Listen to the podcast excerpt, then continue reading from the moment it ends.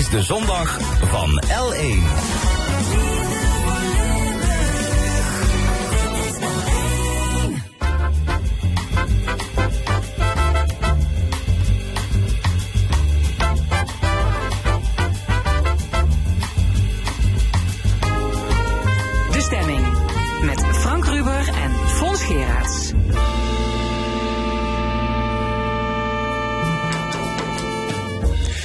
Welkom bij de stemming. Vandaag met de volgende onderwerpen. PvdA-europarlementariër Vera Tax over hoe Brussel de energiecrisis wil beteugelen.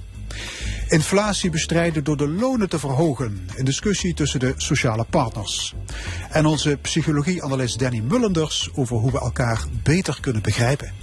Al vier jaar op rij worden we geteisterd door een droge zomer. Hoe kunnen we ons structureel wapenen tegen droogte?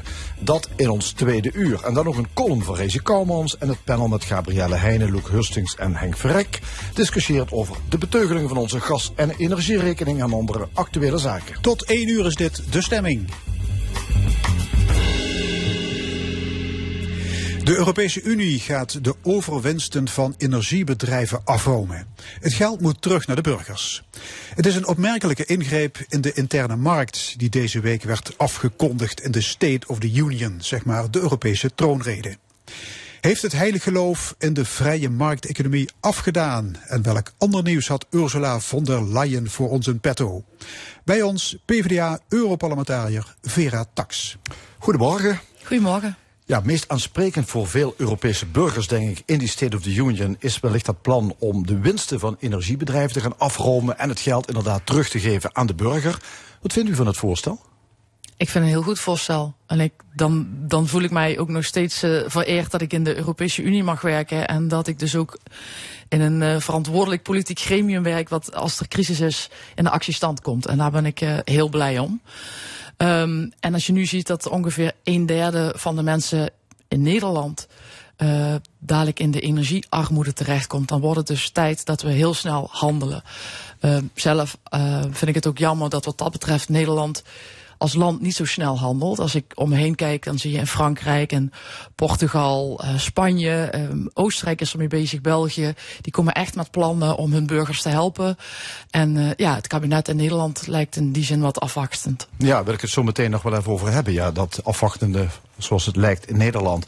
Speelt uh, bij het besluit in Europa om die winsten te gaan afromen, speelt daarbij de angst mee dat ja, die hoge energieprijzen kunnen gaan leiden tot onrust overal op het continent?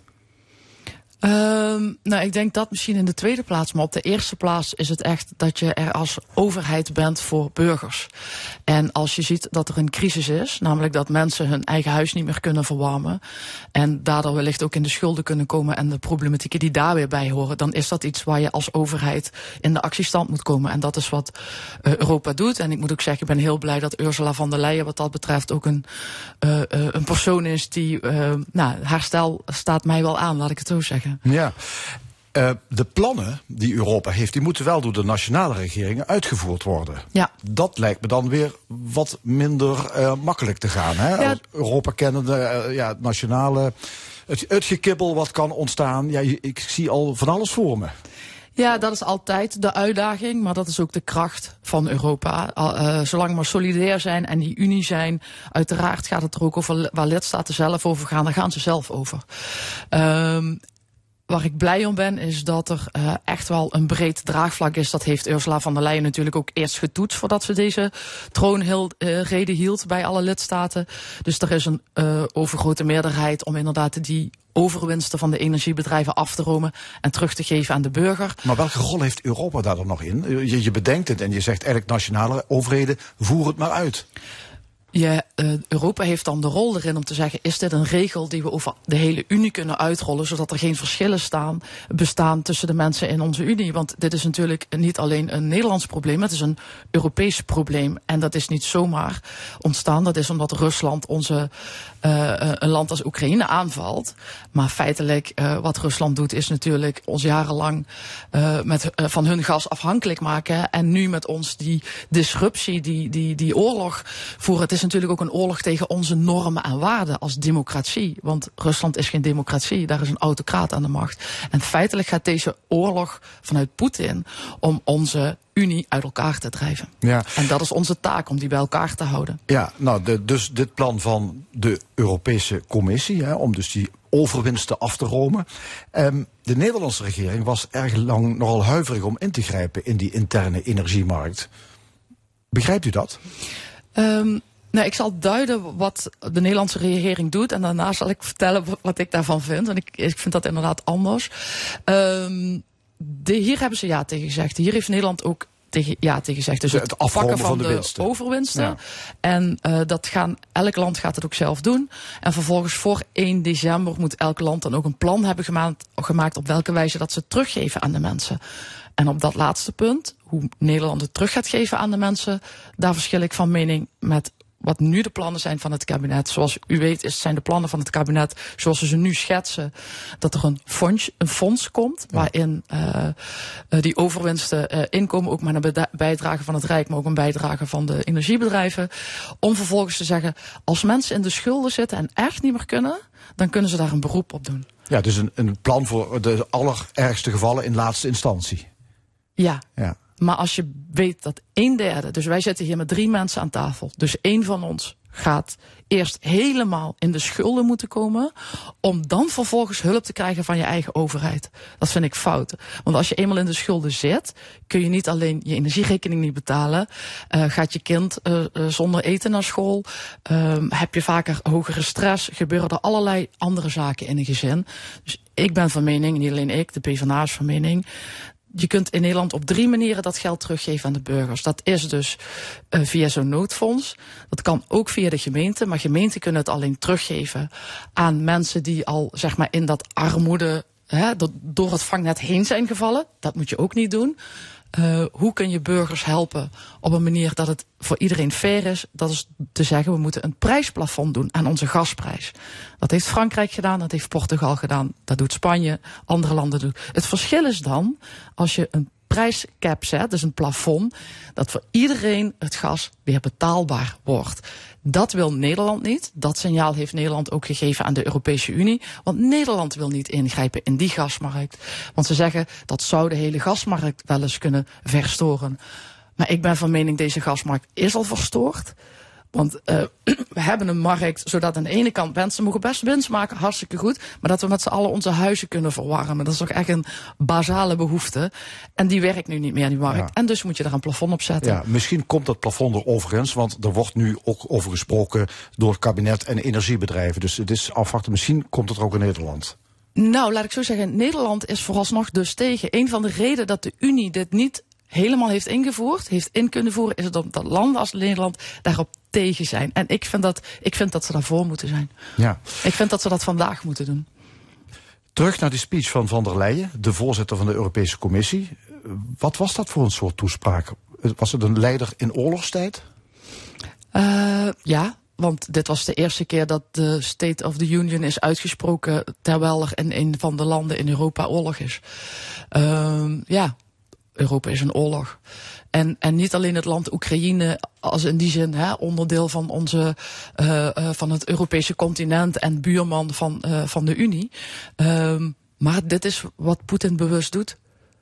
Het is een aanval op onze waarden en normen en democratie. En het is heel erg dat we daardoor onze gasrekeningen niet meer kunnen betalen. Uh, maar als je in de Europese Unie werkt en als zij voor je staat en voor je spreekt en ook andere mensen, dan voel je ook dat je denkt, ja, we moeten onze democratische waarden echt beschermen en dat kunnen we alleen samen doen. Ja, en dat heeft tot gevolg dat de hoogtijdagen van de vrije markt voorbij zijn. Um, nou, wat zijn de hoogtijdagen van de vrije markt? Ik, ik weet het niet. In de, in de jaren negentig... Nou, we hadden een, toch een hele geloof inderdaad sinds de jaren negentig ja, in die interne in de vrije jaren markt. in de jaren negentig denk ik dat iedereen de hoogtijdagen van de vrije markt heeft ervaren. Uh, en vervolgens kwam de financiële crisis en vervolgens zitten we nu in deze crisis. Dus um, ik, ik denk dat de hoogtijdagen van de vrije markt voorbij zijn. En dat we daarom ook genoodzaakt zijn om ingrijpen uh, te doen in die markt die we niet gewend zijn. Die we raar vinden. Maar waarvan we wel, waarvan we wel zeggen het moet werken. Want we, we hebben natuurlijk een economisch systeem om ervoor te zorgen dat we met z'n allen een fijn leven kunnen hebben. En als de markt niet meer kan zorgen uh, voor de mensen, dan, dan moeten we ingrijpen in die markt veranderen. Ja, dus, dus die oorlog in Oekraïne zal tot gevolg hebben dat we toch een soort ander soort Europa gaan krijgen. Um, het gaat een effect hebben, ja, zeker. En ik, ik weet niet hoe andersoortig Europa er dan uit gaat zien. Maar dat vind ik ook mooi aan Europa. Europa is nooit af. Uh, het is een project. In de hoofden van sommige mensen zit altijd van... ja, dit is Europa en dit is goed en fout. Maar Europa is altijd een samenwerkingsproject. Wij zijn namelijk niet... Uh, we zijn het grootste samenwerkende parlement. Maar uiteindelijk gaan de lidstaten hebben net zoveel zeggenschap in die Unie. En dat maakt ook dat we een bijzonder samenwerkingsverband zijn. Uh, en elk, elke oorlog of alles heeft effect op dat samenwerkingsverband. Ja. En, en, heeft dat uh, tot gevolg dat er echt strategische keuzes gemaakt moeten worden? Dat we dus meer producten misschien ook echt in Europa uh, moeten gaan produceren? Made in Europe? Dat we dat... Ja dat we dat op de dat staat heel duidelijk. Ja, dat, dat was ook duidelijk onderdeel van deze, van deze State of the Union. Wat Ursula van der Leyen ook zegt. We hebben nu dus geleerd dat we niet zo afhankelijk moeten zijn van Russisch gas. Maar wat we ook leren, en dat is natuurlijk de Green Deal, is dat we nooit afhankelijk moeten zijn van fossiele brandstoffen die onze opwarming van de aarde uh, ervoor zorgen dat de opwarming van de aarde is. We spreken dadelijk over de droogte. Ja, de oplossing van die droogte is natuurlijk lange termijn zorgen dat het klimaat niet opwarmt.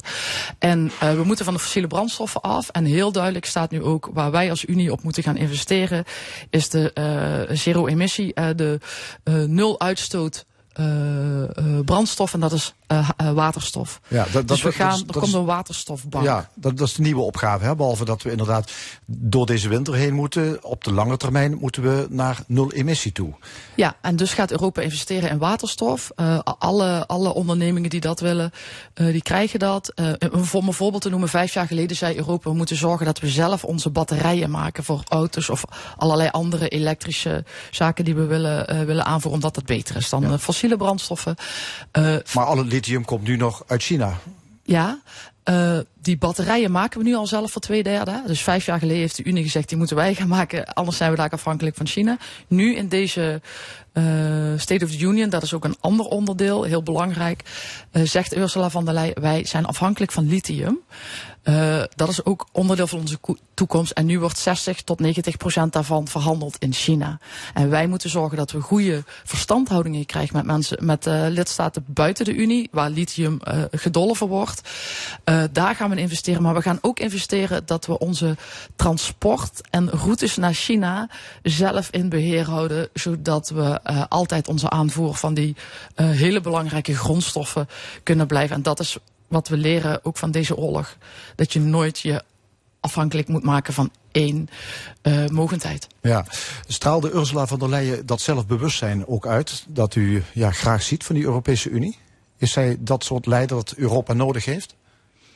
Uh, ja, ik twijfel niet aan haar leiderschap. Ja, de goede vrouw, het goede moment. Ja, uh, ja, en zij, ik weet niet of u dat weet, maar zij, zij is niet van mijn politieke partij. Hè? Als je het vertaalt naar uh, Nederlandse begrippen, is zij van het CDA. Ja, ja uh, maar een goede leider, dat staat los van, denk ik, politieke achtergrond. Dat is de juiste persoon op de juiste plek. En um, wat mij betreft, alle punten die ze ook noemt in haar State of the Union, denk ik, ja, voor mij is dat gewoon sociaaldemocratie. Dus ik, heb, ik heb geen nul kritiek. Ja, uh, Europa, ja, we vinden het natuurlijk belangrijk om onze solidariteit met Oekraïne te blijven uitdragen. Toch zie je dat landen het ook vaak oneens zijn als de sanctiepakketten op tafel komt. Dan, dan is dat toch, uh, dan is niet iedereen het uh, eens over de manier waarop dat je dat moet doen. Dan blijkt Europa toch in de kern altijd weer verdeeld. Ja, dat is dat samenwerkingsproject. Hè? Samenwerking is altijd ingewikkeld. Het is nooit vanzelfsprekend. Het is bijna hetzelfde als thuis je eigen relatie. Je denkt altijd dat je alles goed besproken hebt met elkaar en dan gebeurt er vandaag of morgen iets. En dan moet je in één keer uh, andere afspraken met elkaar gaan maken. En dat is de Unie. En natuurlijk, als je de sancties naar Rusland doen, zijn effectief, zijn super effectief. Omdat we als Europa als geheel zeggen. ik geloof dat ze, voor, ze zijn voor um, twee derde van de internationale geldmarkt afgesloten, Rusland. En dat is, is ontzettend gigantisch. Er worden 75% minder auto's gebouwd. Dus dat land ligt economisch in puin. En dat komt door onze Europese sancties. En natuurlijk is het dan dat een lidstaat, dat Italië zegt van ja, maar onze Gucci-tassen. Of dat Frankrijk zegt ja, ja, maar onze champagne. Ja, natuurlijk. Maar daarom is het ook een. Uh, uh, dat zijn relevante opmerkingen. En dan moet je als Nederland niet zeggen ja, Frankrijk maakt zich druk om de champagne. Ja, wij maken ons druk over de groenten die wij uh, uitvoeren naar. En daar moet, je, daar moet je kennis van hebben, begrip voor hebben. Ja, en dan moet je goede plannen maken. Ja, maar misschien veel extremer is natuurlijk de, de, de houding van Hongarije. De premier Viktor Orbán die uh, heel vaak de besluitvorming natuurlijk frustreert. Maar ook in dit geval, als het om Rusland gaat, uh, ja, de, de, sancties natuurlijk niet wil volgen. Ja, en Hongarije, waar ook nog het Europees Parlement deze week van zei, het is in de kern niet echt meer een democratisch land. Hoe gevaarlijk is het dat één zo'n land, dat is redelijk klein natuurlijk, maar hoe gevaarlijk is, zal maar zeggen, de, de opstelling van Hongarije voor Europa? Ja, heel gevaarlijk. Omdat, uh, uh, ja, zeg maar in goed Engels zou je zeggen, uh, Hongarije is de pain in the ass van, de, van de Unie. Ehm, omdat zij onze waarden tarten. En feitelijk wat Poetin doet, door, doet datzelfde. Uh, buiten de Unie. En Hongarije doet dat voor een deel heel, heel vilijn, heel sneaky uh, in de Unie. En ze kijken hoe ver ze daarin kunnen gaan. Uh, en daarom, daarin worden wij als Unie uitgedaagd. En is het van belang dat wij grenzen stellen. En het Europees Parlement stelt eerder grenzen dan bijvoorbeeld de Commissie. Maar dat heeft ook te maken om, en dat is een van de lastige zaken. Um, als de lidstaten en de commissie iets willen veranderen, dan kan dat alleen met uh, op belangrijke besluiten met unanimiteit. Ja, het vetorecht. Het vetorecht heet dat dan, ja. ja. Dus als, uh, en Hongarije en Polen houden elkaar dan vaak de hand boven het hoofd. En dus kun je als Europa niet verder gaan als dat je zou willen. Nou, en dat is uh, toen we die verdragen hebben opgesteld met elkaar destijds, hadden we nooit gedacht dat er landen zouden zijn in de Unie die in één keer onze, de waarden die ze eerst onderschreven weer willen ondermijnen. En nu zijn we eigenlijk met terugwerkende kracht aan het proberen om dat weer recht te draaien. Dat doen we nu met de, uh, uh, met de gelden die beschikbaar gesteld zijn voor de, uh, voor de wederopbouw na COVID. En daarvan heeft, hebben we gezegd, dat is geld wat elke lidstaat kan krijgen. Maar dan moet je wel voldoen aan onze normen en waarden in Europa. En dat heet het uh, condit ja, heel ja. moeilijk woord. Ja, goed. Hongarije wordt dan gewoon gekort gestraft. Daar komt het op neer. Ja, ja nog niet. Ja. ja maar dat, dat is dat wel uh, de stok achter de deur die we hebben. Als zij verder gaan in niet, uh, uh, niet onze normen en waarden onderschrijven, dat ze dan daadwerkelijk dat geld niet krijgen. Dat is het spanningsveld. Ja. Oké. Okay. Dank u wel, Vera Tax, PvdA-Kamer, Europarlementslid. Ja, graag gedaan. Dinsdag is het Prinsjesdag. Wat zijn de plannen op het gebied van inflatie en koopkracht? En wordt de koek wel eerlijk verdeeld? Zometeen vertegenwoordigers van werknemers en werkgevers aan tafel. Maar eerst de Italiaanse band Måneskin, Torna a casa.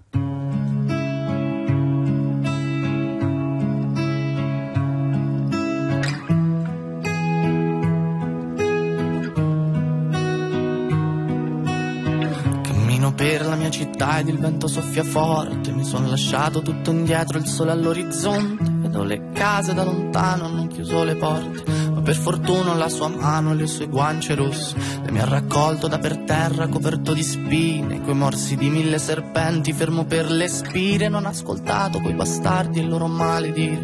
Con uno sguardo mi ha convinto a prendere e partire. Questo è un viaggio che nessuno prima d'ora ha fatto. Lì c'è le sue meraviglie, il cappellaio matto. Cammineremo per sta strada e non sarò mai stanco. Fino a che il tempo porterà sui tuoi capelli il bianco. Che mi è rimasto un foglio in mano e mezza sigaretta. Restiamo un po' di tempo ancora, tanto non c'è fretta. Che c'ho una frase scritta in testa ma non l'ho mai detta. Perché la vita senza te non può essere perfetta. Quindi Marlena torna a casa freddo qua si fa sentire quindi Marlena torna a casa che non voglio più aspettare. Quindi Marlena torna a casa, il freddo qua si fa sentire. Quindi Marlena torna a casa che ho paura di sparire.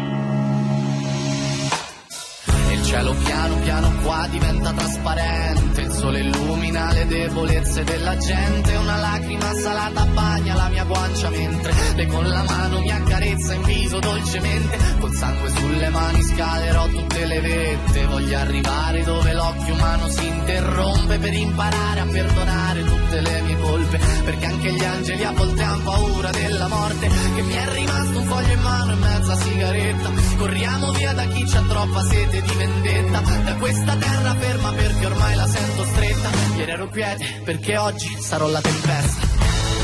Quindi Marlena torna a casa, che freddo qua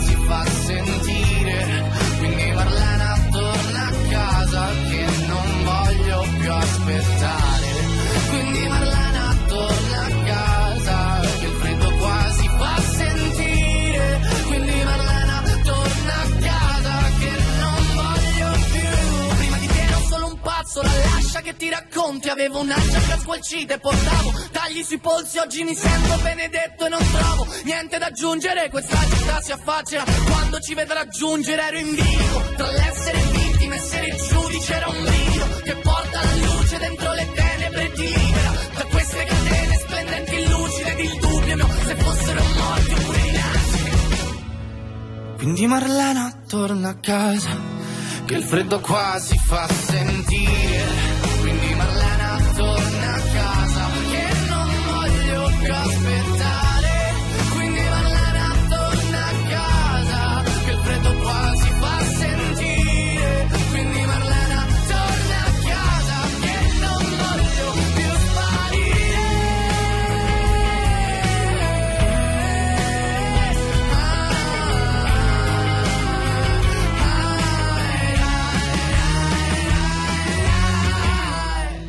Quindi Marlena torna a casa, che freddo qua si fa sentire. Quindi Marlena torna a casa, che ho paura di sparire. Torna a casa van Maneskin. En dit is L1 met de stemming. Dinsdag is Prinsjesdag en dan wordt duidelijk op welke manier het kabinet de enorme inflatie wil aanpakken. Want door de fors gestegen prijzen staat de koopkracht van veel huishoudens onder druk. Is er een structurele loonsverhoging, is dat een oplossing. En staat een zogenoemde hete herfst voor de deur. Aan tafel bij ons Ron van Baden, regiocoördinator van de FNV, en Ron Koenen. En die is voorzitter van de LWV, de Limburgse Werkgeversvereniging. Ja, twee keer Ron. Hartelijk welkom, heren. Uh, ja, we hebben te maken met een recordinflatie, hè, aangejaagd door de extreme prijsstijgingen. Ron van Baden, FNV, hoe heftig is dit allemaal? Dit is uh, enorm heftig. En uh, het werd net al gezegd, er zakken gewoon heel veel mensen door het ijs. En dat is niet pas over vier maanden, het is nu. En dat hoor je overal om je heen. En die effecten daarvan die worden nu echt voelbaar.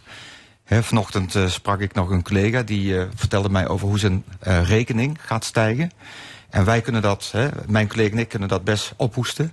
Maar als andere mensen zo'n rekening voor hun ogen krijgen, die schrikken zich helemaal wild. Ja, dus ook veel FNV'ers gaan het voelen. Of nou, voelen het nu al, die het, pijn? Het punt is, wij, wij, voelen, wij voelen misschien de pijn niet zoals anderen die voelen. Want als, nee, maar ik bedoel uw leden, uw achterban. Die, die, die voelen dat hartstikke veel. Hè. In heel veel sectoren waar uh, laag wordt betaald, minder wordt betaald, die mensen kunnen dat niet ophoesten. Dus dat, dat wordt echt een ramp. Dinsdag is het uh, Prinsjesdag. Dan komt het kabinet met plannen. Maar ja, alles is alweer uitgelekt. Uh, bijvoorbeeld dat 17 miljard euro wordt uitgetrokken om in 2023 de koopkracht enigszins op peil te houden. Meneer Koenen, wat vindt u ervan? LBV? Ja, laat ik vooropstellen dat wij het uh, uiteraard heel goed vinden dat er iets gebeurt. Um, tegelijkertijd um, duurt het eigenlijk te lang. Want 2023, uh, dat duurt nog even. En uh, zoals uh, Ron zegt, um, ja, zitten mensen nu met de handen ja, Er moet nu iets gebeuren, vind Er ik. moet nu iets gebeuren. En ook als ik kijk naar ons ondernemers, hè, uh, uh, dan, dan hebben wij onlangs een flitsenquête gedaan. En dan blijkt gewoon dat uh, meer dan 70% van de energie-intensieve bedrijven heeft nu al problemen. Dus het zijn niet alleen de werknemers, maar ook de werkgevers die nu in de problemen komen. Dus we kunnen eigenlijk niet wachten tot 2023. Um, nou, daarom ook wat de voorgaande spreker zei over het prijsplafond. Ik denk dat dat goede acties zijn. Tegelijkertijd voelt het ook relatief als een stukje symptoombestrijding en niet het oppakken van het probleem. En het probleem is? Nou, het probleem is veel groter. Hè? Kijk, uiteindelijk de energiecrisis en de koppeling van de gasprijs met de elektriciteitsprijs. Ja, de prijzen reizen de pan uit. En ook ondernemers, en uh, ik, ik zei het afgelopen dinsdag ook op onze eigen Limburg Happening. Uh, kijk, ondernemers zijn uh, twee keer de klos. Want een ondernemer is niet alleen werkgever, die in, zijn bedrijf de lasten voelt stijgen, maar hij is ook nog consument.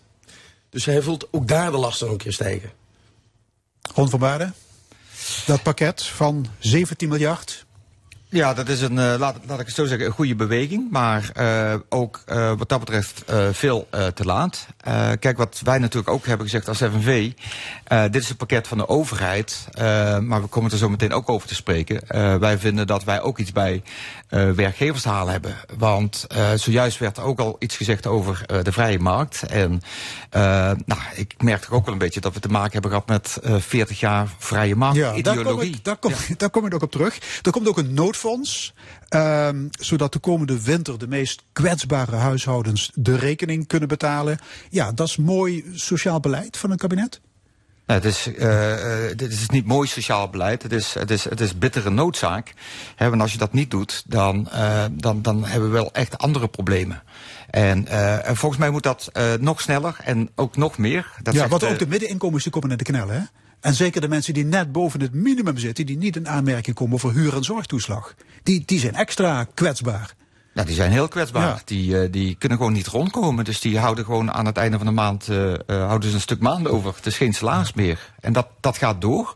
En de effecten als dat lang aanhoudt, ja, die zijn gewoon desastreus. He, als, als ze schulden gaan dreigen voor, voor mensen, ja, dan is het einde zoek. Ja. Verder gaat het minimumloon omhoog ehm, met 10 procent. meneer Koenen, wat vinden de werkgevers daarvan?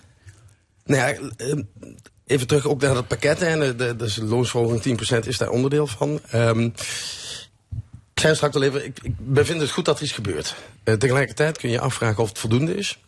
Uh, tegelijkertijd moet je ook de vraag stellen, wie moet dat bonnetje betalen? Want als je dan vervolgens leest dat de overheid, uh, onder andere door die hogere energierekening, pak een beetje 25 miljard extra ophaalt aan btw-inkomsten. En er nu een pakket van slechts 17 miljard komt. En vervolgens van die 17 miljard ook nog een groot deel bij de werkgevers neergelegd wordt. Ja, daar vinden we wel ja, van. Dus u vindt 10% loonsverhoging of nou ja, verhoging kijk, minimumloon eigenlijk wat veel van het goede? In één keer absoluut. He, uh, ook daar, wij, wij, wij willen maar, natuurlijk meebewegen. Maar aan de andere kant, Jan en Alleman, inclusief de VVD, is voor verhoging van het minimumloon substantieel. Ja, goed. Ik, dus, heb, ik heb gelukkig geen uh, politieke kleur, dus uh, nee. ik, ik, laat me daar. Uh, maar je kunt toch niet de overheid alles laten opknappen? nee, maar je moet wel kijken wat is redelijk en billig. He, kijk, als je kijkt naar de minimumloonbedrijven, dan zit je vooral in het midden- en kleinbedrijf. Dan ga ik ook kijken naar bakkers, slagers, whatever, zeg maar.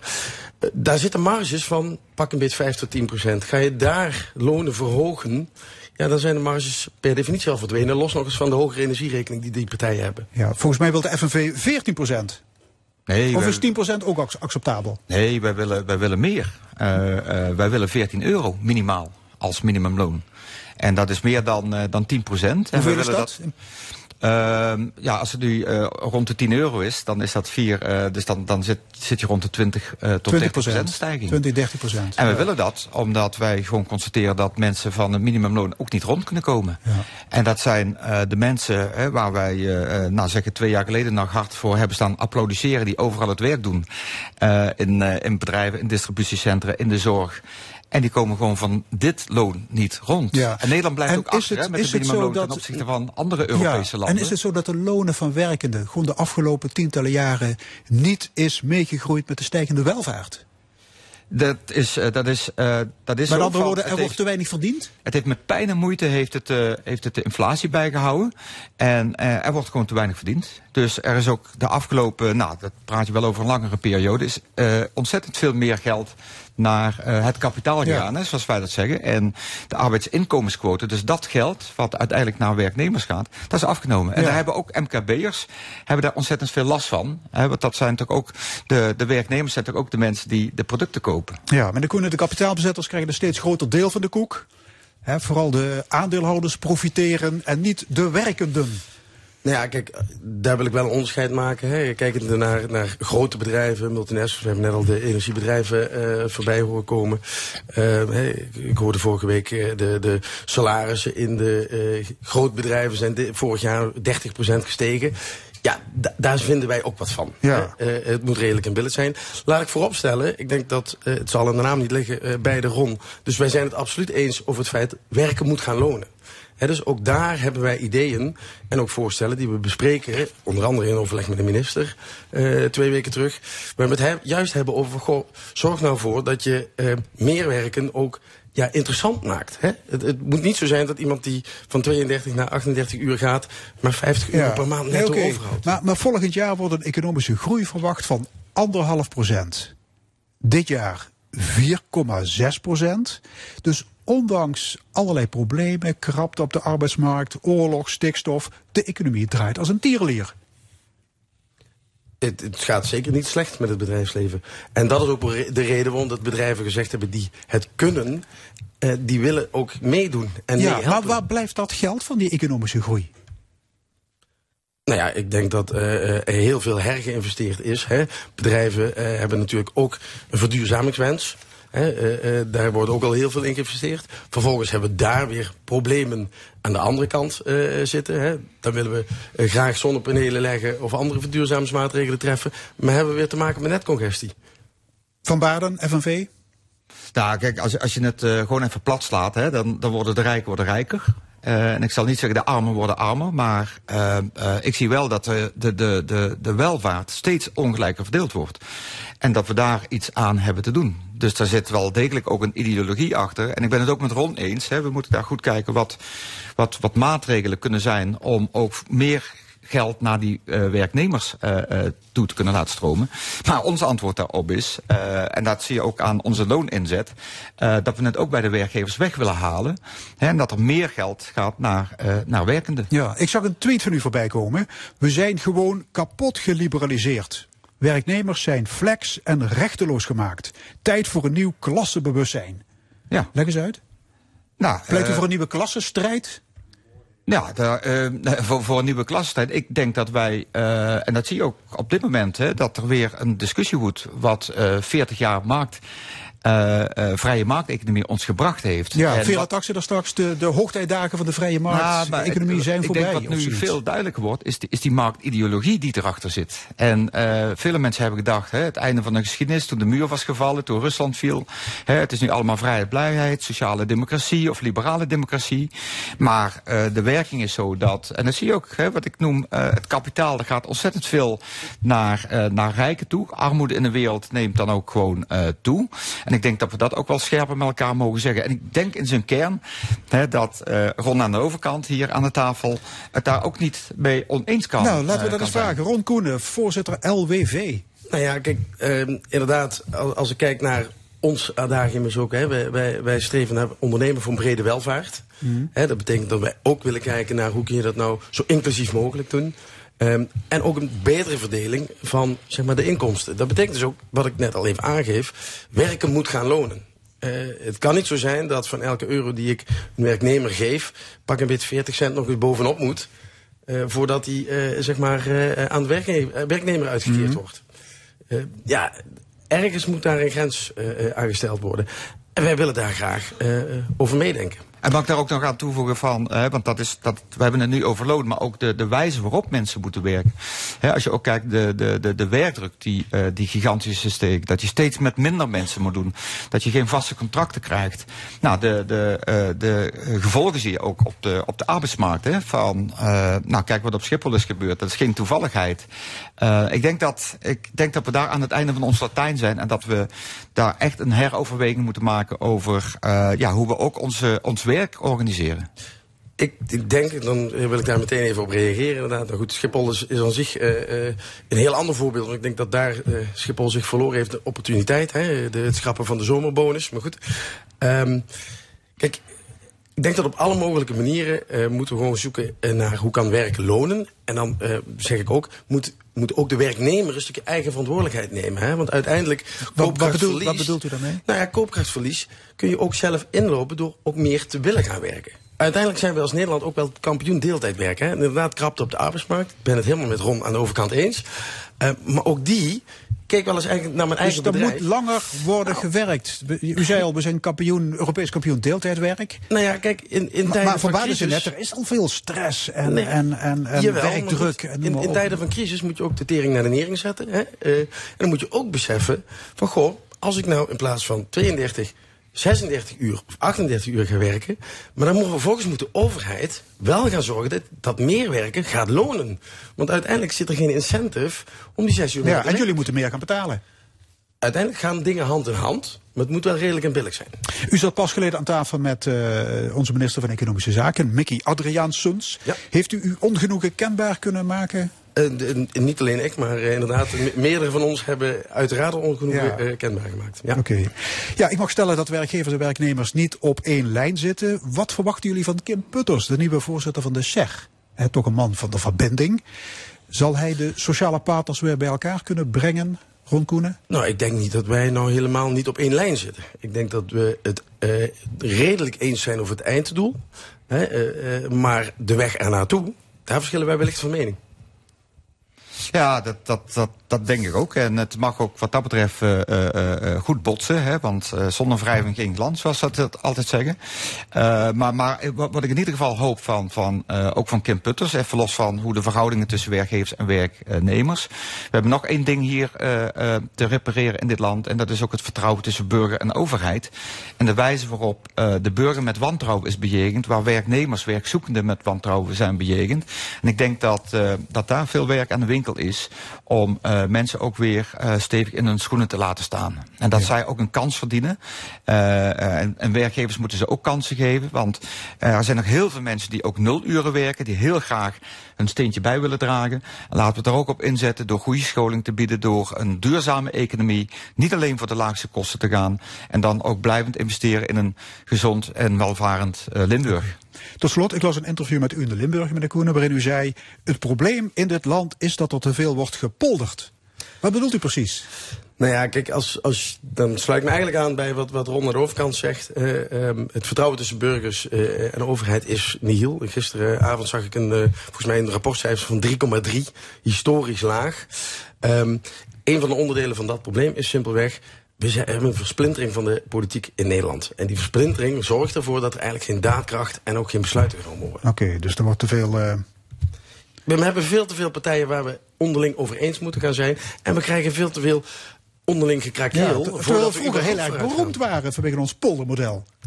Toch? Eh, ja, maar dan moet je vervolgens wel naar voren gaan. En nu staan we stil. Maar la- laten we ook bedenken slot, dat ja. er geen polder is zonder folder. Hè? En dat hoort er ook bij. Geen eh, polder zonder folder. Ja, maar ook dat je, eh, zoals bij de NS is gebeurd, eh, van, van laten we ook de kracht bij werknemers goed gebruiken. Polder wil niet zeggen dat alles lief en vrede is. Hè? Je mag ook best ehm, een, een stevig beentje voorzetten. Oké, hartelijk dank Ron van Baden van de FNV en Ron Koenen van de Limburgse Werkgeversvereniging. Dank jullie wel. En zometeen in de stemming psychologie-analyst Danny Mullenders met de vraag hoe kunnen we elkaar beter begrijpen op de werkvloer of op het wereldtoneel. Maar eerst Annie Lennox, I Put a Spell on You.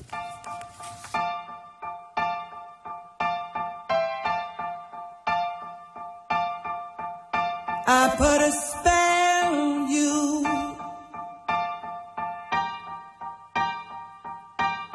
because you're mine.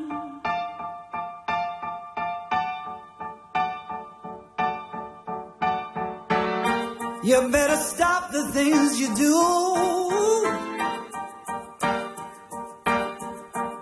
I tell you, I ain't lying.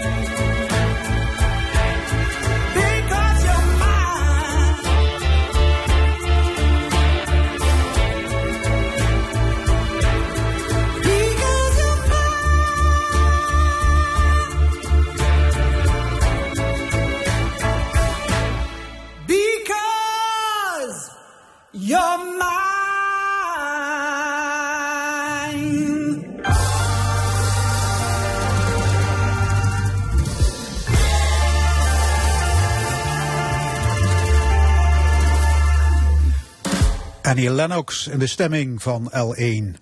Ja, rond dit tijdstip, kwart voor twaalf, maken we stevast ruimte voor één onze analisten. En vandaag presenteren we een nieuwe analist met een nieuwe discipline. Bij ons psycholoog Danny Mullenders Hij heeft een eigen praktijk en is schrijver van het onlangs verschenen boek Laat je niet kiezen. Goedemorgen. Goedemorgen. Je wilde nog een uh, gesprekje met Danny. Oké, okay. psycholoog. Uh, ja, psycholoog. Je coacht mensen in organisaties onder meer op het uh, begrijpen van mensen om hen heen. Ja. En dat kan natuurlijk op allerlei plekken zijn. Dat kan op de werkvloer zijn. Dat kan in een relatie zijn. Ja goed, ook op het grote wereldtoneel. Hè? Ja. De wereldleiders hebben met elkaar te maken. Die, uh, uh, ja, die moeten met elkaar door één deur, uh, als het kan. jij ziet daar veel misgaan. Ja, behoorlijk. Ja, en dan kun je op grote schaal kijken. Je kunt op kleinere schaal kijken. op dit moment kijken we naar Oekraïne. We kijken naar de verschillende problematieken in de wereld. Uh, ja, ik heb daarbij zoiets verbeterd. De wereld begint ook wel bij jezelf. Dus als ik kijk naar mijn eigen psychologenpraktijk, dan is het vooral goed om te kijken naar ja, hoe werkt de relatie tussen mensen één op één. En hoe werkt het ook wel in groepen? Ja, want onbegrip zie je veel en vaak. Ja, ja, dat komt behoorlijk vaak voor. En vaak niet eens met de intentie om vervelend of boos of kwaad te zijn. Er zit vaak heel veel goede intentie achter. Alleen we begrijpen elkaar heel beperkt. En het punt ja. daarbij is, en dan is dat ook een stuk van de oplossing wat mij betreft. Uh, begin bij jezelf. Dus als je de ander niet begrijpt, dan is het vaak ook zo dat het begrip voor jezelf of het inzicht in jezelf ook wel heel beperkt ja, is. Waarom is het van belang dat we elkaar begrijpen? Het lijkt misschien een open deur, maar dit is natuurlijk een groot belang. Ja, ja die vraag komt wel vaker. Dat lijkt ook wel een open deur. Ja, en in de kern, wat ik zie in organisaties, maar ook wel bij vrienden, bij relaties, uh, partnerschap, dat op het moment dat er geen inzicht is in waarom die ander doet wat hij doet, en je reageert bijvoorbeeld heel primair op uh, ja, wat hij zogezegd met jou doet, wat hij jou aandoet, ja, dan komt dat je relatie niet, niet ten goede. Dus op het moment dat het je lukt om te snappen waarom die ander doet wat hij doet, ja, dan is dat eigenlijk een soort van oplossing, recept voor uh, het tegengaan van, noem het, scheidingen, uh, uit elkaar gaan als partners in bedrijven. Ik heb zelf ook een partner bij ACNT. Dus uh, het begint echt bij een stuk inzicht in jezelf en vandaar het ook die ander snappen. Het gaat heel veel voorkomen. Ja, zijn er kun je basisvoorwaarden aangeven waarvan je zegt van ja, dan zou je eigenlijk aan moeten voldoen. Wil je de ander goed begrijpen? Ja, ja en daar zit je al een stuk op, op waar ik het net ook over had. Dus verbeter de wereld begint bij jezelf. Dus heb je zicht op wie jij bent, ook in relatie tot die ander. En dan krijg je, als je kijkt ook naar organisaties, het typische voorbeeld van de medewerker die bijvoorbeeld wat introvert, wat onzeker is. En een leidinggevende die toch behoorlijk dominant en extravert is en van alles wil. En misschien ook wat mening heeft over die medewerker. En op het moment dat hij zijn stempel drukt en vooral doordrukt, ja, op korte termijn kan dat heel goed werken. Want die medewerker gaat vooral doen wat jij dan wil.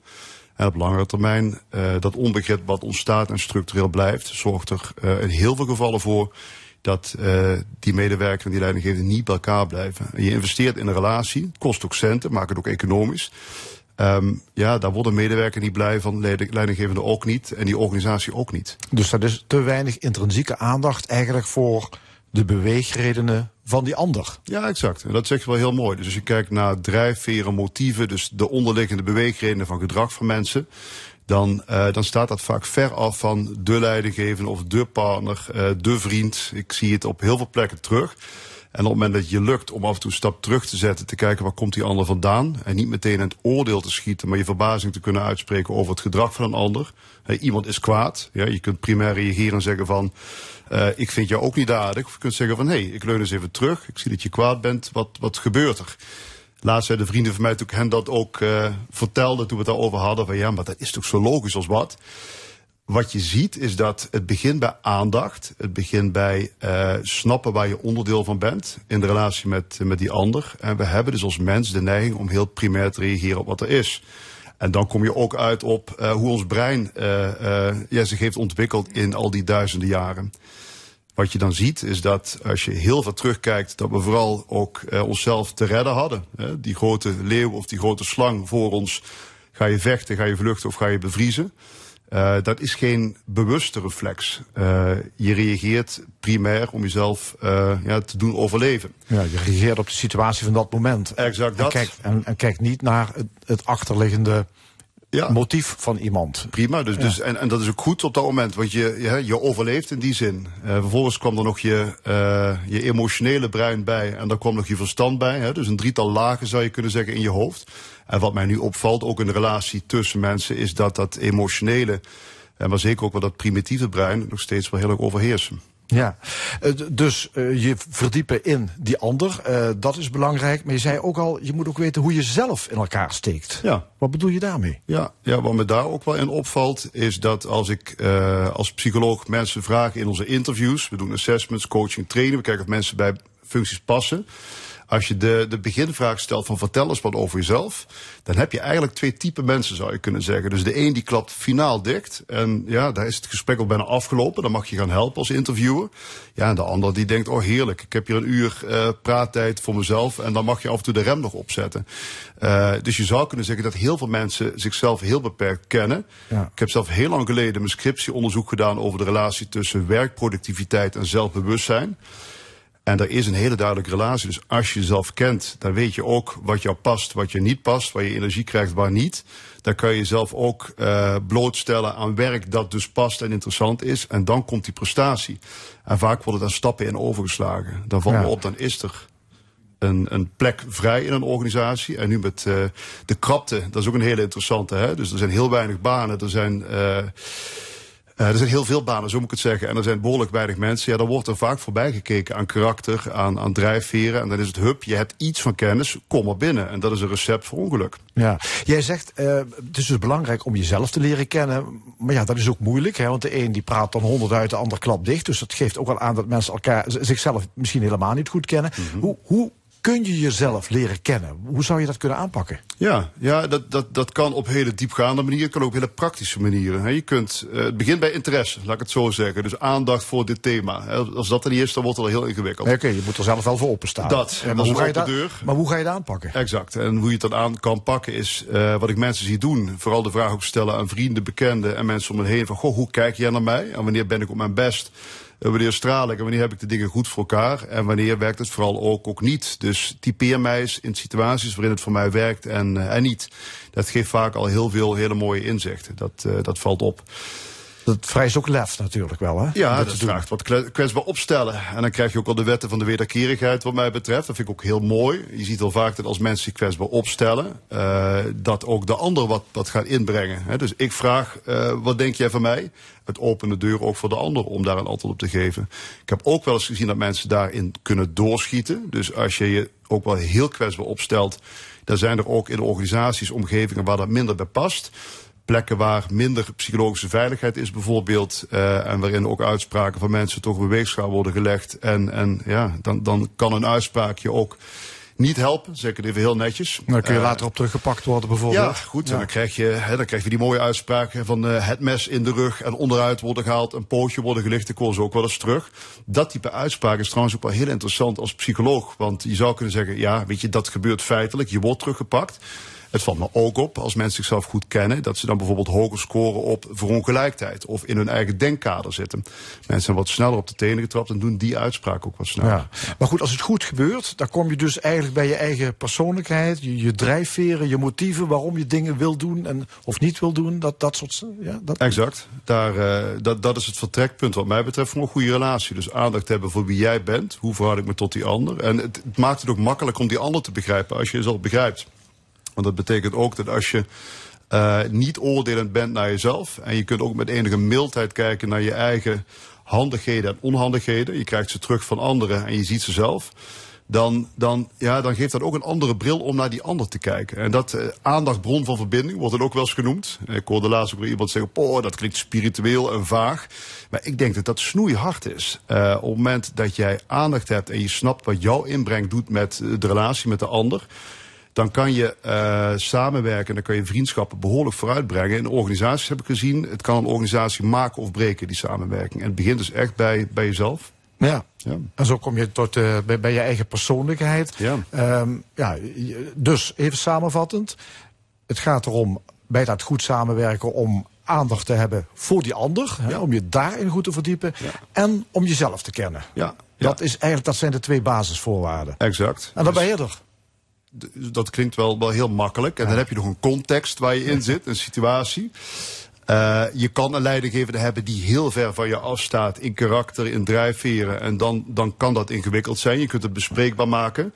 Krijg je wat mij betreft ook wel vaak de wetten van de wederkerigheid. Dus die leidinggevende wil iets van jou. Jij wil ook iets, aandacht bijvoorbeeld als medewerker. Dus je geeft aan waar het schort in de relatie. Dat is ook lef en moed hè. Dan kan het nog steeds zo zijn dat die ander op een of andere manier niet de behoefte heeft om dichter bij jou te komen. Ja, en dan, dan zijn dat wel vaak situaties dat het dus niet gaat werken. Dan zeg ik daar meestal bij, ook een open deur misschien, dan heb je het in ieder geval geprobeerd. Ja. Eh, dus verbeter de wereld ook daar, begin bij jezelf. Ja, maar als we toch, toch even in, inzoomen op eh, dat, eh, die echte aandacht, dat echte begrip voor, voor iemand anders. Ja. Eh, ja, de vraag is natuurlijk hoeveel begrip mo- moet je hebben? Want je kan er natuurlijk ook een doorslaan. Hè? Dat je alleen maar begrip voor die ander hebt. Dan ga je misschien zelf aan ten onder. Ja, en dat is ook een heel mooi thema. Want als je het hebt over, ik heb daar laatst ook een boek deels over geschreven, laat je niet kiezen. Het verschil tussen sympathie en empathie. Ik maak het even wat technisch misschien, maar sympathie, betrokkenheid, empathie, inlevingsvermogen. Je ziet heel vaak, eh, of het nou de leidinggevende is, of de medewerker, of de partner, of de vriend. Eén van de twee, of één van de vele, eh, is, is een pleaser. Dus die wil heel graag ook eh, de ander tegemoetkomen. Daar zit van alles achter dat gedrag. Maar in gedrag zie je dat iemand de warme deken over je heen gaat leggen. En vooral de moeder Teresa en de atlas met de wereldbol gaat lopen uithangen. Dat kan met de ander doen dat hij denkt, oeh, dit is heerlijk en eh, ik ben goed verzorgd. Die en heb ik in mijn zak. Een standje terug, Ja. dat, precies. Of het kan de andere kant betekenen, ik heb hier helemaal geen zin in. En, en dat creëert ook weer afstand, want iemand is, is te close, te klef. Eh, dus ook daar weer, ik zeg niet dat betrokkenheid slecht is en inlevingsvermogen goed. Maar de balans tussen die twee, dus eh nabij komen, betrokkenheid en tegelijkertijd snappen hè, wat de relatie doet, empathie, ja, de combi is vaak ideaal. Ja, ja, goed je verdiepen in die ander en jezelf leren kennen. Dat zijn eigenlijk de basisvoorwaarden om tot meer begrip voor elkaar te komen op de werkvloer in de relatie. Exact. Dankjewel, Danny Mullenders. Dank. We maken plaats voor reclame en nieuws en zijn met de stemming over een paar minuten bij u terug. Dan over de droogte. Hoe kunnen we structureel het watertekort terugdringen?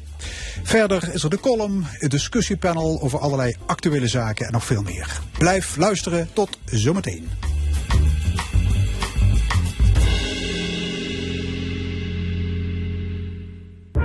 In Blaaskracht is Fons de Jong te gast, manager van kunstenfestival Musica Sacra. En verder opnames van Musica Sacra 2021. Een uitvoering van Seconda Pratica en Cantus Modalis met het Gregoriaanse werk In Memoria Mea van Josquin de Pre. Dat allemaal in Blaaskracht. Vanavond van 6 tot 9 op L1 Radio. Bekijk 2021 door de ogen van de beste Nederlandse nieuwsfotografen. Bezoek de fototentoonstelling Zilveren Camera. Van politiek en sport tot kunst en natuur. Tot en met 16 oktober in het Limburgs Museum in Venlo. Ga je bouwen of verbouwen? Je bouwt zeker met Bouwgarant. Boodschappen steeds duurder? Niet bij Nettorama, de goedkoopste supermarkt van Nederland. En hoe meer je haalt, hoe minder je betaalt. Want bij aankoop van twee of drie stuks krijg je altijd 10% extra kassakorting op meer dan 2500 merkartikelen. Nettorama. Nettorama. De aller, allergoedkoopste. Nettorama, merkendiscount. Met een bouwgarant-aannemer zit je altijd goed. Want dan kies je voor gediplomeerd betrouwbaar vakmanschap. Bouw zeker. Met Bouwgarant. Door structurele financiering van de stichting MS Research heeft de Nederlandse Hersenbank een donorprogramma dat gericht is op multiple sclerose. Het hersenweefsel dat hiermee verkregen wordt, is nodig om afwijkingen bij multiple sclerose te kunnen onderzoeken en therapieën te ontwikkelen. Voor meer informatie kijk op hersenbank.nl of msresearch.nl. Ik ben Inge Huitinga, hoofd Nederlandse Hersenbank. Van mini-tractoren tot grondverzetmachines, hoogwerkers en verrijkers. Met Bosmans Machines wordt je werk makkelijker. Huur, koop of lease. Supersnel geleverd uit ons ruime assortiment. Niks leveren, snel leveren. Kijk op bosmansmachines.nl Bij Beter Horen weten we dat u meer van de zomer geniet als u goed kunt horen. Daarom is iedereen welkom voor een gratis hoortest. Check ook uw gehoor tijdens de zomerhoorcheckweken. Tot 21 september. Boek uw afspraak op beterhoren.nl. Een machine huren voor jouw klus? Je regelt het snel op bosmansmachines.nl. Dit is L1 met het nieuws van 12 uur. Jelle Visser met het NOS-journaal. De georganiseerde misdaad in Nederland is een groot fundamenteel probleem. Dat zei minister Jezelgus van Justitie en Veiligheid in het programma WNL op zondag. Ze reageerde op berichtgeving door de Telegraaf dat het netwerk van Ridouan Taghi het gemunt zou hebben op premier Rutte en prinses Amalia. De minister wilde niet ingaan op de zaak, maar noemde de dreiging van de georganiseerde misdaad in het algemeen zeer stevig. Bij een eendenbedrijf in Schuinesloot in Overijssel is vogelgriep vastgesteld. Om verspreiding te voorkomen worden alle 60.000 dieren afgemaakt. Zeven andere pluimveebedrijven in de directe omgeving worden door de NVWA scherp in de gaten gehouden. In een zone van 3 kilometer geldt een vervoersverbod. Dat betekent dat er onder andere geen vogels, eieren en mest vervoerd mogen worden. Bijna 4 miljoen inwoners van het zuidelijke Japanse eiland Kyushu en omliggende eilandjes hebben het advies gekregen om onmiddellijk hun woning te verlaten. Tienduizenden mensen zijn in schuilplaatsen ondergebracht. De orkaan Nanmadol met windstoten tot 270 km per uur komt daar naar verwachting vandaag aan. Het Japanse KNMI verwacht een halve meter regen en overstromingen en aardverschuivingen. Na vandaag zou de orkaan noordwaarts trekken. Dinsdag bereikt hij waarschijnlijk de hoofdstad Tokio. Een ontsnapte serval heeft zaterdag de boel op stelte gezet in Arnhem. De tijgerkat maakte in een voortuin ruzie met een huiskat en haalde vervolgens uit naar de bewoner. De politie en de dierenambulance werden ingeschakeld. Een dierenarts wist de serval te raken met een verdovingspijltje. Het dier is tijdelijk opgevangen in een asiel. Door een chip in zijn nek kan de eigenaar worden achterhaald. Vanaf 1 januari 2024 is het verboden om een serval als huisdier te houden. Het weer, er trekken buien over het land, soms met onweer en zware windstoten. Op de Wadden kan het stormachtig zijn. Het wordt vandaag zo'n 16 graden. Morgen minder buien en af en toe zon. Het wordt dan maximaal zo'n 17 graden. Dit was het NOS Journaal. Bospop presenteert Festivals. Het indoorfestival op 7, 8 en 9 oktober in Weert. Met Chef Special, Davina Michel, Snelle, Walter Trout, BZB, Rondé, Vandenberg, Navarro en meer. Bospop.nl Maak je klaar voor het najaar samen met Berden. Shop kleding in warme tinten, opvallende kleuren en satijnen stoffen. Al deze najaartrends en meer vind je bij Berden. Bezoek een van onze winkels of laat je inspireren op berdenfashion.nl. Je huis beter isoleren is energie besparen. Juist nu. Dat kan met kunststof kozijnen van Creon. Nu met 5% koopkrachtkorting. Maak je klaar voor het najaar en bezoek berdenfashion.nl of een van onze winkels. Hoe houden we onze aarde leefbaar? Zijn we alleen in het heelal? Vragen waar we alles over willen weten. Laat je verwonderen op de tentoonstelling Grote Vragen in Rijksmuseum Boerhaven. Kijk voor meer informatie op rijksmuseumboerhaven.nl. Bijna een half miljoen mensen hebben al meegedaan met Stoptober. 28 dagen niet roken in oktober. Doe ook mee en meld je aan op stoptober.nl. Kom ook naar de tijdelijke tentoonstelling Brainpower bij Rijksmuseum Boerhaven. Geniet van tuinen vol innovatie en inspiratie op Floriade in Almere. Vol vernieuwing, groene kunst, lekker eten en een te gek groen kinderprogramma. Floriade is tot en met 9 oktober geopend, dus mis het niet. Tickets op floriade.com. Oh, mijn rug. Rugpijn, stenose of hernia? Kijk dan snel op herniaweg.nl. Floriade is nog maar een paar weken geopend, dus mis het niet. Hey, heb jij hem al? De vernieuwde gratis 1 Limburg app. Met 100% Limburgs nieuws. Altijd actueel. Download hem nu. Dit is de zondag van L1.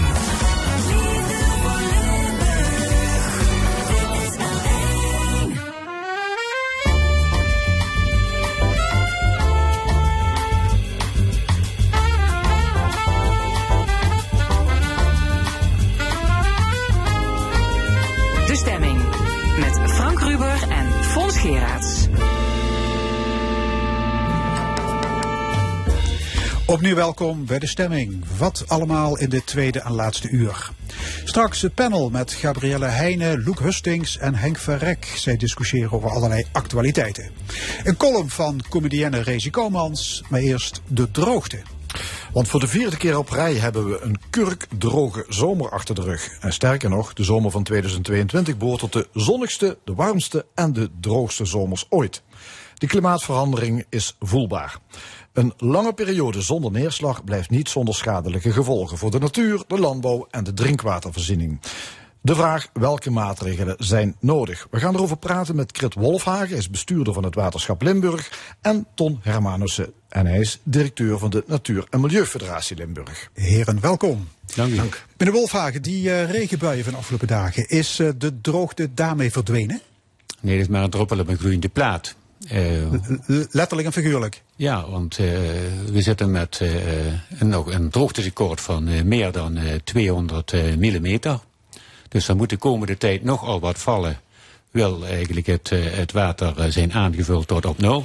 Ja, hoe, hoeveel, is het? hoeveel regenwater is nodig om het weer normaal te krijgen? Uh, ik denk die 200 uh, millimeter dat we die nodig hebben, uh, zeker tot 1 januari, die hebben we nodig. Hmm. Want anders beginnen we alweer met, met een droogte voordat we eigenlijk het nieuwe seizoen beginnen. Ja, maar die buien van vandaag en gisteren en deze week, dat nee, helpt wel? Die 60 mm die helpen, uh, wat we nu gehad hebben, die helpen echt. Die hebben we ook echt nodig gehad. Maar het probleem... Wordt dat, wordt dat gemeten per dag? Hoe dat grondwaterpeil... We hebben een meetwaterschap een regiekamer. En er wordt van uur tot uur worden daar alle meetgegevens van, van heel Limburg, maar ook daarbuiten. Ja, en wat is het laatste nieuws daarover? Uh, nou, dat we in ieder geval nog met een geweldig tekort zetten wat neerslag aangaat. Maar het goede nieuws, dat wil ik ook wel vertellen, dat met deze buien wat nu gevallen zijn, dat het grondwater ja, toch al behoorlijk aan, te, aan het stijgen is. En dat doet me ook wel, wel deugd. Ja, lichtpuntje. Maar goed, hoe dan ook, vier jaar op rij een, een hete, droge zomer met soms enorme hoosbuien. Is dit het gevolg van de CO2-uitstoot en de opwarming van de aarde?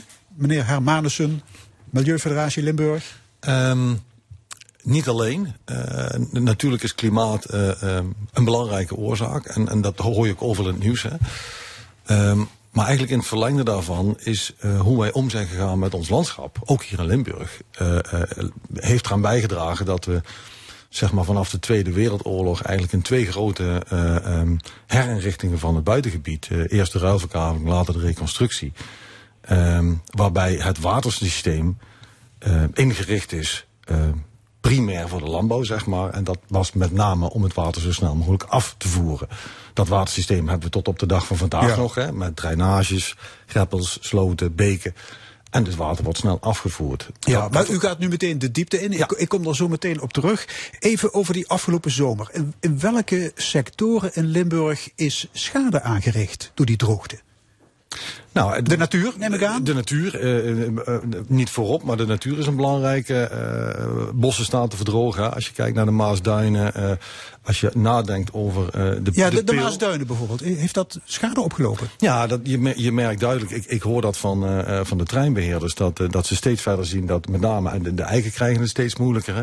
Maar bijvoorbeeld ook in de Peel, wat gewoon eigenlijk... De Peel is zo'n brand. Ho, maar als je daarover nadenkt, hè, dat een, een hoogveengebied, hè, eigenlijk een van de natste natuurlijke systemen die we hebben. Dat zou eigenlijk nat moeten zijn, in, dat gebied. In brand staat, dat is eigenlijk ja, nou ja, volstrekt onnatuurlijk dat dat überhaupt kon gebeuren. En dat heeft eigenlijk ook te maken met hoe wij in de omgeving van de peel omgaan met, uh, met het watersysteem. En dus heel veel water afvoeren, waardoor eigenlijk de, de peel simpel gezegd leeggetrokken wordt. Ja. Dan de land- en tuinbouw met de Wolfhagen. Hoe groot was de optater voor de boeren? U bent nou, nou, voormalig landbouwer? Ja, dat klopt. Ik denk dat we een uh, opbrengstderving hebben gehad, gemiddeld genomen. Uh, uh, toch 30% minder dan eigenlijk geprognotiseerd was. 30% nou, minder toch, opbrengst? Ja, inderdaad. Dan ga naar bieten, aardappelen. Nou, ik zie de, de, de, de gegevens. nou, is dat wel een conclusie dat we naar de toekomst toe met een voedselschaarste komen te zitten als we niet het uh, water kunnen uh, oppompen, het grondwater, maar ook eh, eh, eh, oppervlaktewater eh, optimaal kunnen benutten, dan gaan we naar de toekomst toe voedseltekorten krijgen. Ook daar zullen we rekening mee moeten houden. En we zullen met nieuwe alternatieven moeten komen voor eh, eh, beregenen. Daar is de sector al eh, eh, goed mee aan eh, de slag. Wij als waterschap, wij ondersteunen dat ook eh, royaal. Daar zijn we iedere dag mee eh, met ondernemers het kijken van hoe kunnen we kiezen voor de beste oplossing. Hoe kunnen we zo lang mogelijk water vasthouden. En wat ik persoonlijk heel erg belangrijk vind, is dat we naar de lange termijn kijken. Ja. Het gaat niet alleen over droogte, het gaat ook over wateroverlast. En als je met diep in het Ja, hart- alles, alles hangt met elkaar. ja, ja daar zit een samenhang. Ja. En als het even mag, dan denk ik dat we, eh daar gaan nog wel wat miljoenen, ik 300 miljoen gaat van van de overheid, eh, wordt eh, besteed eh, om toch eigenlijk die wateroverlast eh, te bestrijden. Maar ik denk ook, het is ook een kans om ook de droogte aan te grijpen. En we zullen toch moeten investeren in het buitenland. Dat we daar meer water kunnen bufferen. En in de zomerdag eh, eh, daarvan kunnen eh, gebruik van kunnen maken. Buitengebied? buitenland, ja. Buitengebied bedoelt u? Ja, en buitenland bedoel ik bij wijze van spreken de Eifel.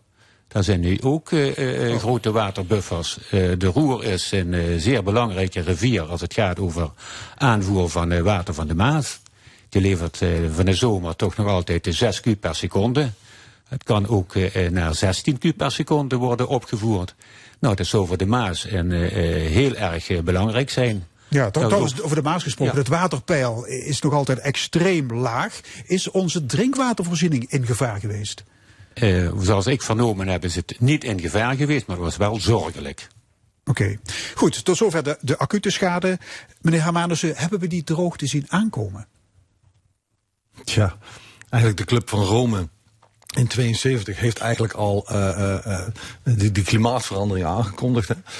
En, En het kwartje is nu pas gevallen, 50 jaar later. Nou, ja, dat, heel lomp gezegd denk ik wel dat het zo is. Hè. Althans, met name daar op, op een niveau waar ze er iets aan kunnen doen. Ehm, dus dat, dat gaat, daar gaat helaas veel tijd overheen. Tegelijkertijd zie ik wel, eh, want ik zit regelmatig met Grit ook op tafel. Zie je eh, ook bij een, bij een waterschap, maar ook bij een provincie, zie je gelukkig wel dat ze zich realiseren dat er echt iets aan de hand is en, en het echt naar de toekomst toe anders Ja. moet. Dus die inrichting ook van het buitengebied, primair gericht op de landbouw, daarvan is iedereen het wel over eens dat het buitengebied veel meer waarde heeft. en dat je die allemaal een plek zou moeten geven. En dat gaat over waterberging, dat gaat over eh, de energietransitie, dat gaat over landschapsbeleving. Eh, en daarmee krijg je eigenlijk naar de toekomst toe, eh, en daar praten we regelmatig over nu, krijg je een andere richting, Ja, inrichting dus er zijn, er zijn allerlei oplossingen mogelijk. Maar even, even terug naar de oorzaken. De afgelopen decennia was het beleid... we moeten zo snel mogelijk van het water af. Hè, Zo snel mogelijk afvoeren naar sloten, beken, riviertjes, noem maar op. Waarom was dat eigenlijk? Nou ja, als, je, het- als ik het kort samengevat, dan, dan, dan heeft Nederland eh, honger geleden in de, in de Tweede Wereldoorlog. En er is heel duidelijk een beleid ingezet. eh, ik was er toen nog niet, hè, maar er is heel duidelijk een beleid ingezet om te zeggen van Nederland, wij, wij willen nooit geen honger meer hebben. En daar is het buitengebied eigenlijk eh, heel landbouwkundig. En dat is heel vakkundig ook gedaan. Hè. Laat, ik dat, laat ik het ook op die manier duiden. Is het voor, die ene, eh, voor dat ene doel, namelijk voedsel produceren, is het ingericht. En eigenlijk zijn we in de afgelopen jaren steeds vaker geconfronteerd met het feit dat dat ook een groot aantal nadelen heeft. dus, dus Voor vooral, natuur, vooral voor- om, om de boeren te dienen. Er is dus in het buitengebied te veel en te snel ontwaterd ten gunste van de landbouw. Om de landbouwproductie, zo om de voedselproductie zo hoog mogelijk te krijgen. Ja, en dat was 60% de van. Limburg is, is landbouwgrond. Dit was de insteek. Meneer Wolfhagen, waterschap. Voor voedsel te produceren. Ook na de oorlog was er een tekort aan voedsel. Er is nu nog wereldwijd nog een tekort aan voedsel. Nou, we hebben beken hebben we inderdaad ingericht om ook zoveel mogelijk landbouwgrond eh, eh, in productie te kunnen brengen. Dat is gewoon zo. Maar je moet er ook realiseren, en dan ga ik terug naar de tachtiger jaren, ik ben iets ouder. Toen was ik graag vertrokken op het bedrijf waar ik eh, nu mijn zoon eh, zit, was ik erg graag vertrokken. Om reden dat we toen drie jaar op rij overstromingen hadden van de roer. Er zijn jaren bij geweest dat we nog geen hooi konden winnen, dat we nog geen vijf dagen droog weer hadden. Dus we zitten ook met een geweldige klimaatverandering. En ik denk wel dat in de situatie waar we nu in zitten, dat we daar eh, naar de toekomst toe eh, en ook nog versneld maatregelen eh, moeten nemen om erger droogteschade Ja. te voorkomen. Maar door, door die snelle afvoer van al dat water is het grondwaterpeil gaan zakken. En daar hebben de waterschappen aan meegewerkt. Nou ja, er is, een- er is een Nou. tweede belangrijke reden. Hè. Dat, dat is dat, eh, zeg maar, als je het hebt over de functies van het, van het buitengebied. eh, als ik simpelweg een druppel volg hè, die in het, eh, in het bos valt. Ja. Ehm, overigens, die valt niet in het bos. Hè. Die begint al dat die eigenlijk valt op het kronendak. Nou fijn, daar kan ik een heel verhaal over houden. Maar het, het bossysteem is dusdanig dat er heel veel water opgevangen kan worden. Eh, op dit moment, zeker met langere periodes van droogte, diezelfde druppel die valt op een, eh, op een akkerland waar op dat moment geen gewas op staat, die kan nergens heen. Zeker in een verdroogde situatie wordt die niet eens meer goed opgenomen. Dus die, die, die, gaat, die verdwijnt eigenlijk in het watersysteem heel snel. Dus de, het bufferend vermogen is af, van, van het landschap is afhankelijk van wat voor soort landschap je erop, op, of wat, wat je op dat landschap gebouwd hebt. Bos houdt veel meer vocht en veel meer neerslag vast dan, eh, dan, dan grasland. En grasland houdt weer meer vast. dus dan het aanplanten van meer bos is een, is een goede maatregel. De minister wil ook 37.000 hectare extra bos. Ja, precies. Dus hoe meer bos, hoe beter, want dat wordt geabsorbeerd, dat water. Ja, maar daarbij sluit ik wel aan bij wat Grit zegt. Dat, dat, dan, dan moet je een totale systeem krijgen. Dus of je nou over de roer hebt, of je hebt het over de jeger, Ja. of je hebt het over de geul of de gulpen. Die, die hebben de bron in de Eifel of in de Ardennen eh, ergens in onze omgeving liggen. En als daar men al begint met anders om te gaan met het landschap. Eh, een van de oorzaken, althans, maar dat kan Grit denk ik beter vertellen, is dat de, een, van de zaken, een van de redenen voor de overlast vorig jaar, eh, de ernstige overlast zeg maar, in Valkenburg, kwam ook vanwege het feit dat in, in het Belgisch stroomgebied eh, van de Geul is het redelijk stedelijk. En wordt het water dus heel snel afgevoerd naar de Geul. Daar, dus je moet over het hele systeem nadenken. maar, ook over binnen dat, binnen dat watersysteem, ook over het landgebruik. En Ja. daar kan, kan Bos in de toekomst op strategische Ja, maar, echt aanleg van, van grote waterbuffers, u zei het al, Ja. is, is een goede oplossing. Kunnen we gebruiken Is- in, in is- droge zomers, Is dat water. een van de oplossingen. Ja. Eh, er zijn meerdere oplossingen eh, nodig. Ook zal de, de landbouw, en, en eh, Ton heeft er ook wel gelijk in. We zullen ook op een andere manier moeten omgaan met het, met het grondgebruik. Het organisch stofgehalte in de grond zal verhoogd moeten worden. Linksom of rechtsom. Dan zijn we ook met een eh, project eh, eh, aan, de, aan de slag om te kijken van hoe kunnen wij het organisch stofgehalte van die grond omhoog krijgen, zodat er meer water gebufferd kan worden. Dus boeren moeten andere, andere gewassen telen. Het zou met andere gewassen kunnen, het kan met een andere bewerking. Stoppen met die waterige drijfmest. daar, dat, u zegt waterige drijfmest. Ik denk dat we naar de toekomst toe, en dan denk ik toch naar de toekomst toe, dat ook het woord eh, drijfmest, ja, dat heeft een eh, zeer negatief imago.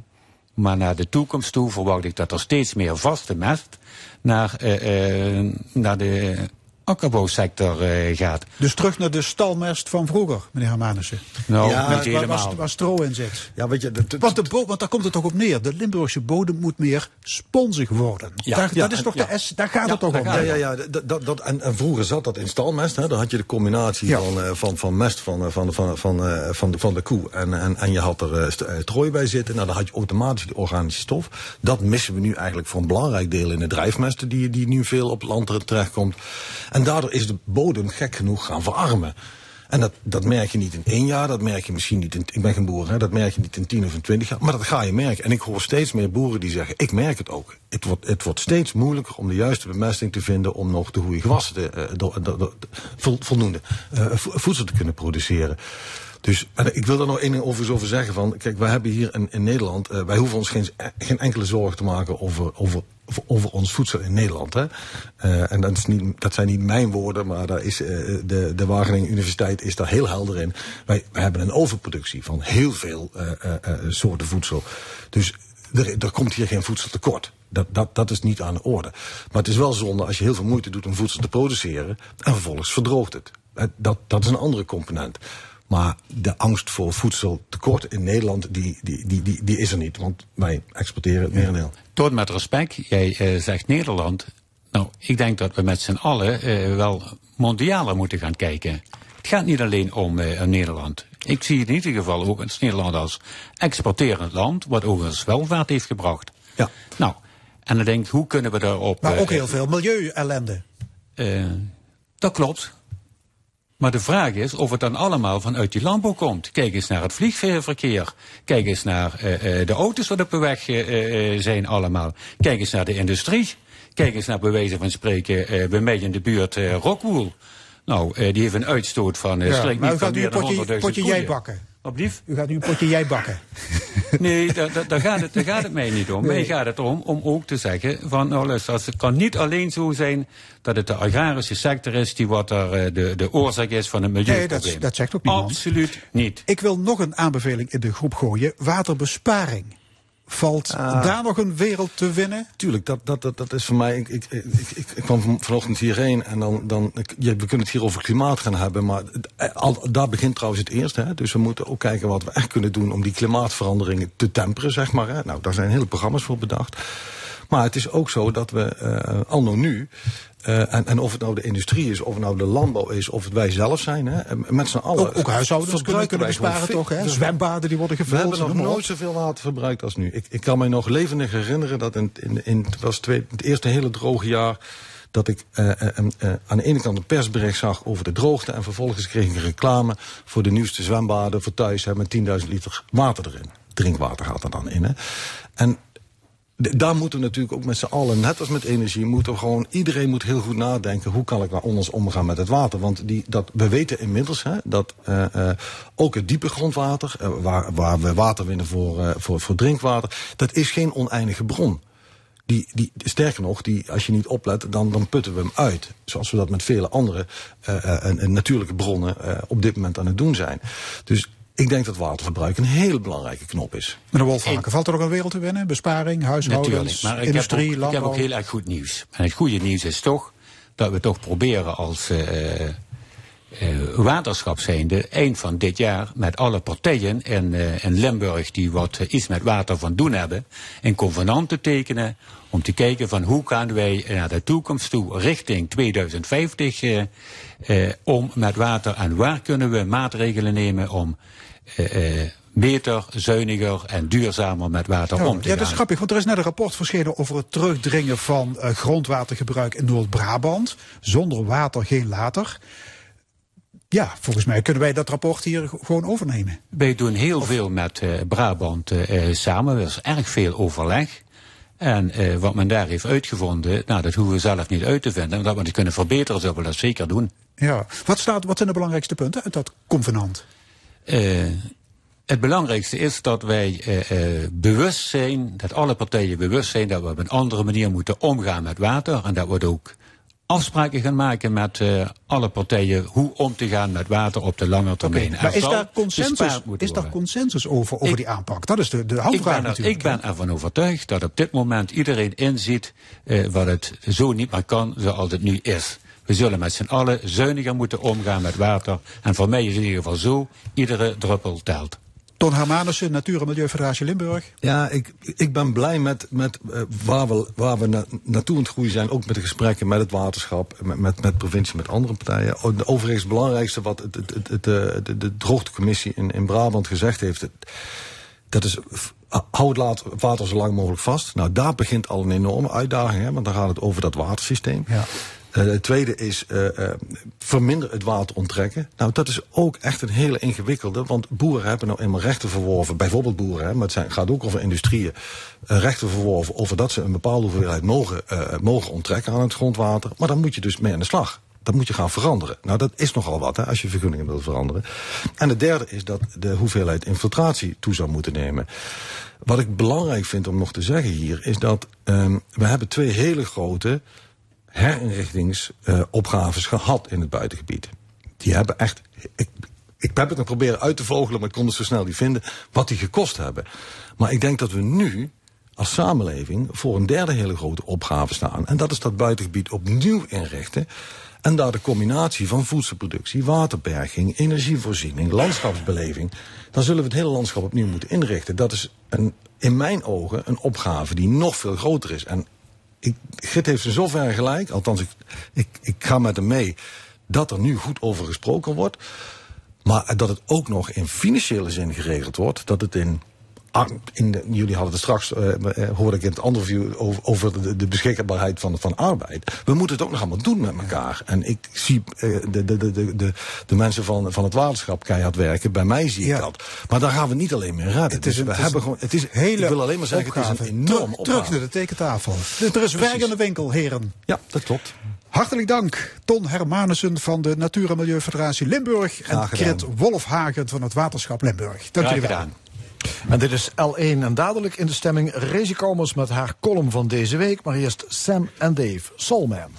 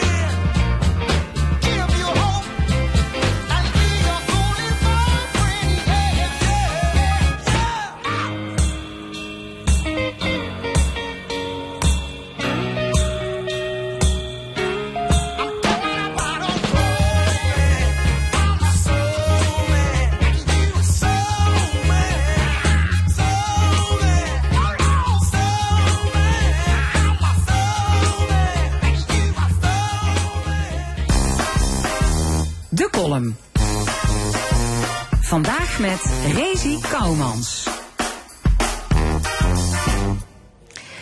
Gisteren worden men van Hoondervel bij mij. Samen met Rempetemp en Andy en Roy fietsten ze van IJsde tot de mokerij. En tussen de buien door hielden ze bij mij de pauze. Met een broodje en een tas soep en een ei. Oftewel, wie Frans Maassen mij professioneel uitlag, de revitalisering. Vrij vertaald is het zo gaat als levensongerhaat. Zo leert ze nog eens schat op een zaterdagmorgen. Van IJsde tot de mokerij. Kom allemaal bijeen. Ach, wat zijn we toch verbonden naar meteen met de vaste lovend. Wij Limburgers, één volk, samen tegen de Hollanders, want die snappen er niks van. En dat is dan gaat wat ik weer niet goed begreep. Ergens zoeken we allemaal de verbinding. De United Nations, de United States of de United Kingdom, hoe ze samen 24 uur in de file staan voor de overleden queen, hè, die het Engelse volk bijeen heel. Ja, behalve Noord-Ierland dan. Ja, en Schotland, je wat die willen leven in dat Verenigd Europa. Maar waarom is het eigenlijk zo dat als we samen ergens voor zijn, ook automatisch dan ergens tegen zijn? Kijk, want als Max Verstappen wint, dan, dan is het één groot oranje feest. Dan staan we met de handen op ons hart. Dan het volkslied met de blaren met Oost Floren Jansen, een Limburgs meisje. En ondertussen lachen we Hamilton uit. Als hij dan, wel, onder boegeroep zielig over een zandpeetje lup. Samen zien we ook voor de Oekraïne. Dus tegen Rusland. En ook al betekent het dan dat de buurman door, door de gasprijzen de koffie moet zetten om een zwak zinnelichtje. Of dat ze deze, weter, deze winter beter vier maand naar Turkije kunnen gaan. Dat kost 3200 euro. Maar dan best wel onder de pan, hè. All in. Kun ze zoveel soepen, dat ze tenminste vergeet dat ze in zo'n k- k- K-land zit. Ze, als ze niet voor de presidentbus het risico loopt dat ze voor die leven opgesloten weers. Of nog erger. Samen is super. Zolang de vluchtelingen maar niet in mijn hoofd zitten, wil ik best een tentje of je dekens naar de apel brengen. Inclusie is geweldig, maar zolang we overal een LHBTIQ plus etiketje oplekken, blijven we in hukjes denken. Is samen een illusie? Ik weet het niet. Ik ben Rezi, alleen geboren en gewoon alleen dood. Samen voor ons eigen, laat de rest de rambam krijgen, hè, zei je van Koot en de Bial. Want zolang als we niet beseffen dat we geen Limburgers, Hollanders, Europeanen of Westerlingen zijn, maar samen op deze kloot rondlopen, werd het niks met de revitalisering. Niks geleerd op een regenachtige zondagmorgen. Niet van IJsden tot de mokerij, maar van Harmelen tot Wollongong. Hoe toevallig Oost-Ellen van Dijk voor de derde keer wereldkampioen Schap fietsen is geworden. Dat dan wel weer. De column van Rezi Komans. We gaan naar het discussiepanel. Drie opiniemakers bespreken het nieuws van de week. Vandaag over een maximumprijs voor gas. Eigen inwoners krijgen eerder een huis en over het CDA. Rond de tafel gemeenteraadslid en ondernemer Gabrielle Heijnen, communicatieadviseur Loek Hustings en de derde is ook raadslid en zorgmedewerker Henk Verrek. Ja, het eh, kabinet bekijkt of er in Nederland ook een maximumprijs voor energie kan komen. Dat betekent dat een huishouden dat gemiddeld elektriciteits- en gasverbruik heeft, een lagere prijs betaalt dan je marktconform zou moeten doen. Eh, wat vinden jullie eigenlijk van het idee, Gabrielle Heijnen? Eh, ja, kijk, ik denk dat in tijden van crisis eh, moet je alle maatregelen eh, onderzoeken. Het enige wat me een beetje stoort aan het plan, en met name dan hoe Jesse Klaver het presenteert, is je gooit zo'n zo'n ballonnetje op. Eh, maar het is verder het, mechanisme, dus de praktische uitvoering, daar is niet over nagedacht. En ik zag bijvoorbeeld ook dat hij op Twitter, eh, dan zegt hij van ja, eh, vul je, je je maandlast in en dan kun je kijken hoeveel je dan verdient. En dan wordt er berekend met modelcontracten. Terwijl het is natuurlijk niet zo alsof alle huishoudens in Nederland nu de prijzen van de modelcontracten betalen. Dus ik, ik, ik, vind dat wel eh, scheef, maar ik ben wel blij dat het kabinet ook nu eh, dat gesprek aangaat met de energiebedrijven en gaat kijken hoe dat dan in zijn uitvoering moet gaan. Ehm, maar goed, ik, ik, ik, ik ja, voorzie er ook wel eh, nadelen bij. Want je moet uiteindelijk wel die energiebedrijven gaan compenseren. Anders zal een gedeelte omvallen. Daar gaan straks dan vele miljarden in. Miljarden die ik denk dat je op de lange termijn ook beter zou kunnen besteden aan bijvoorbeeld isoleren, et cetera. Dus ik, ik heb er wel twijfels bij. Ja. Ja, Henk Verrek, wat, denk, wat vind jij van het plan? Sorry, te laat, te laat, te laat. Daar waar Duitsland volgens mij al bijna 100 miljoen, eh, eh, eh, of nee, misschien wel miljarden in, in die hele economie gestopt heeft. In het, in het compenseren van mensen, het onderhouden van mensen. Gaan we nog eens nadenken over en dat soort zaken. Ja, er zijn Weet je- trouwens al meer landen die dit ja, al doen. ja, maar weet, Ja. je, maar, maar wij, wij zijn gewoon veel te laat in deze. Snap je? En ik ben het met Gabrielle eens van dat je eigenlijk veel beter geld kunt steken in het isoleren van huizen. Maar dat is, weet je, ik, je moet het in een aantal slagen zien. En de eerste slag is van, we moeten iets voor nu regelen. En we moeten iets voor, voor over twee jaar regelen. Ja. En we moeten nu regelen dat mensen de winter doorkomen. Op een goede manier voor een normale gasprijs. Dus ik vind gewoon aftoppen die gasprijs klaar. En dan vind ik, dat- daar moet je dus gewoon ook als kabinet hard in zijn. En duidelijk in zijn. Eh, ehm, we zijn heel duidelijk in dat wij Tata Steel compenseren met 835 miljoen euro voor een gasprijs. Die compenseren we daarvoor. Maar de man en vrouw die in, in Meesenbroek woont of hier in uh, Nazareth woont, dat in Maastricht, daar doen we het niet voor. Ik denk van... Die krijgen dan wel een, een, een toeslag, hè? dus het is niet alsof we daar niks voor doen. Nee. Nou, Maar dat- nee, voldoende dat- is, is een tweede, dat ben ik met je eens. Maar het is niet Nee, zo maar we dat we, moeten, daar wel, niks we voor moeten doen. wel maar afwachten of het ook gebeurt. Snap je? Eh, eh, ik, ik, we- dinsdag worden de grote plannen, nu hebben we alleen maar over uitgelekte plannen. Dinsdag worden de plannen bekendgemaakt en de vraag is of het ook daadwerkelijk gebeurt. De tweede klap die we moeten doen is, en dat, dat is een, van de lange termijn, is wij moeten gaan eh, huizen gaan isoleren en eh, ehm, ehm, energie-neutraal gaan maken. Ja. Dat, maar, dat is, maar dat is iets Dat wat is de we volgende, ja. Luc Hustings, jij woont in België. Eh, heb jij al een eh, zo- zo'n maximum contract? Nou, het, het gekke is dat in België hoor je er bijna niks van. Oh, jullie betalen gewoon en denken van... Nou, nee, laat maar het, het, het, zal wel. Nee, maar het is zo dat, dat waar, waar dat in Nederland de talk of the town is, hè, iedereen heeft het erover. Het is daadwerkelijk een serieus probleem. In België kijken mensen hier wat waterig aan als je zegt van uh, god, energietoestanden. Oké. Ja, het zal wel. Maar eh, iedereen heeft dan zijn tank met mazoet gevuld in de, eh, in de, in de, in de tuin, geloof ik, hè? Nou, mensen hebben daar een hele eigen energiehuishouding, kan ik je vertellen. Maar, eh, het, laat maar zeggen, natuurlijk, als de, de, de energie is, is, is gekoppeld aan gas, het is een wereldprijs. Dus als het hier omhoog gaat, gaat het daar ook omhoog. Dat is nogal wie dus. Ehm, het is alleen gek dat er anders over gedacht wordt. Maar, maar interessant is, als we nog, nog eens even een jaar terugdenken. Hè, wie had toen gedacht dat we nu in deze ellende zouden zitten? Dat had toch niemand kunnen voorspellen.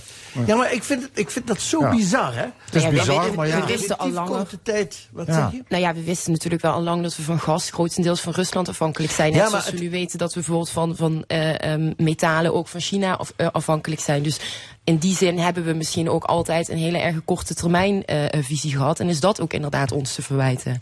Maar weet je, ehm, eh, ik heb nog in mijn, in mijn aardrijkskunde en geschiedenisles vroeger op school, 50 jaar geleden, geleerd dat ehm, een land moest zelfverzorgend zijn, self-supporting.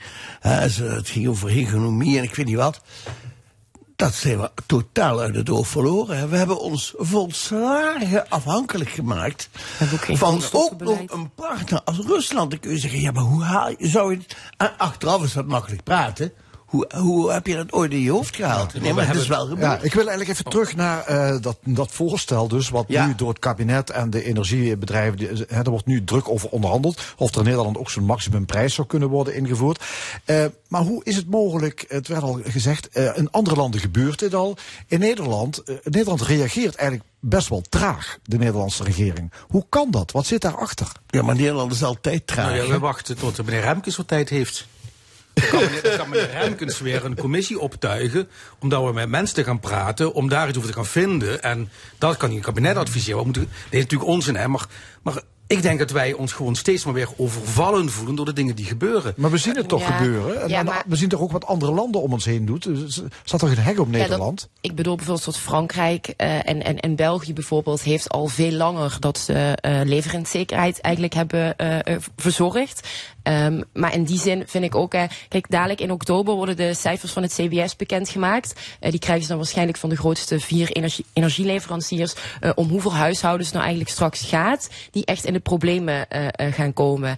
Ehm, dus we zijn hier ook, kijk, ik maak me ook heel veel zorgen voor huishoudens. Maar we weten nog steeds niet precies over welke groep en hoe groot die groep is eh, we het hebben. Ja, maar ma- maakt dat wat uit hoe groot de groepen, of er een half miljoen of drie miljoen zijn? Het Nee, het maakt mensen die het in de niet minder komen? erg, maar het maakt het wel eh, lastig om dan nu ook ehm, goede maatregelen inderdaad eh, te bedenken als je niet precies weet hoe groot die groep is. Dus als we straks in oktober een beter zicht hebben, kun je ook veel gerichter gaan sturen. Ja.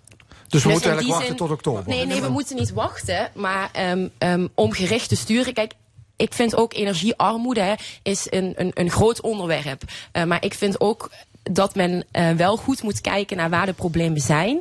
Eh, als je die ook wil oplossen. Als je nu bijvoorbeeld dit soort eh, generieke maatregelen gaat invoeren. En vervolgens worden toch eh, de mensen die het hardst getroffen worden dadelijk eigenlijk ja, enigszins gecompenseerd. Maar net zo goed mensen die het wel kunnen betalen. Ja, daar vind ik dan eh, in die zin wat van. Dus ik vind je moet, je moet gericht sturen. Als ik kijk in gemeente Maastricht. Wij kunnen ook nu heel moeilijk inschatten hoe groot die groep nu is. En dat maakt het wel heel lastig. Dus in die zin, eh, eh, ja, we zijn laat. Maar, daar valt wel iets voor te zeggen. Maar dan, kies je, maar dan kies je dus voor een compensatie. Je had ook om kunnen draaien, kunnen zeggen van we gaan het staffelen. We gaan op 1500 uh, kuub gasverbruik gaan we maximaal dit voor betalen. Op uh, 2000 kuub gasverbruik gaan we maximaal dit bedrag zetten. En op 3000 kuub.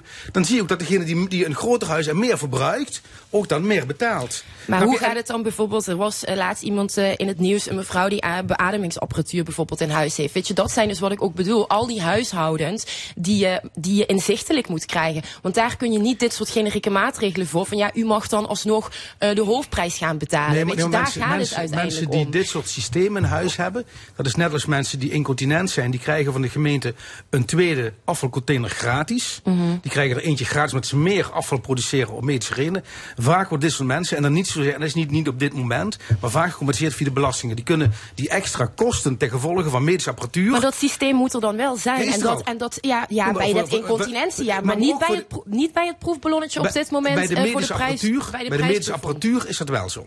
Is dat wel, want dat is aantoonbaar. Niet iedereen heeft zo'n heeft zo'n eh, eh, beademingsapparaat in huis. Dat heb ik niet in huis. Gelukkig niet, hè.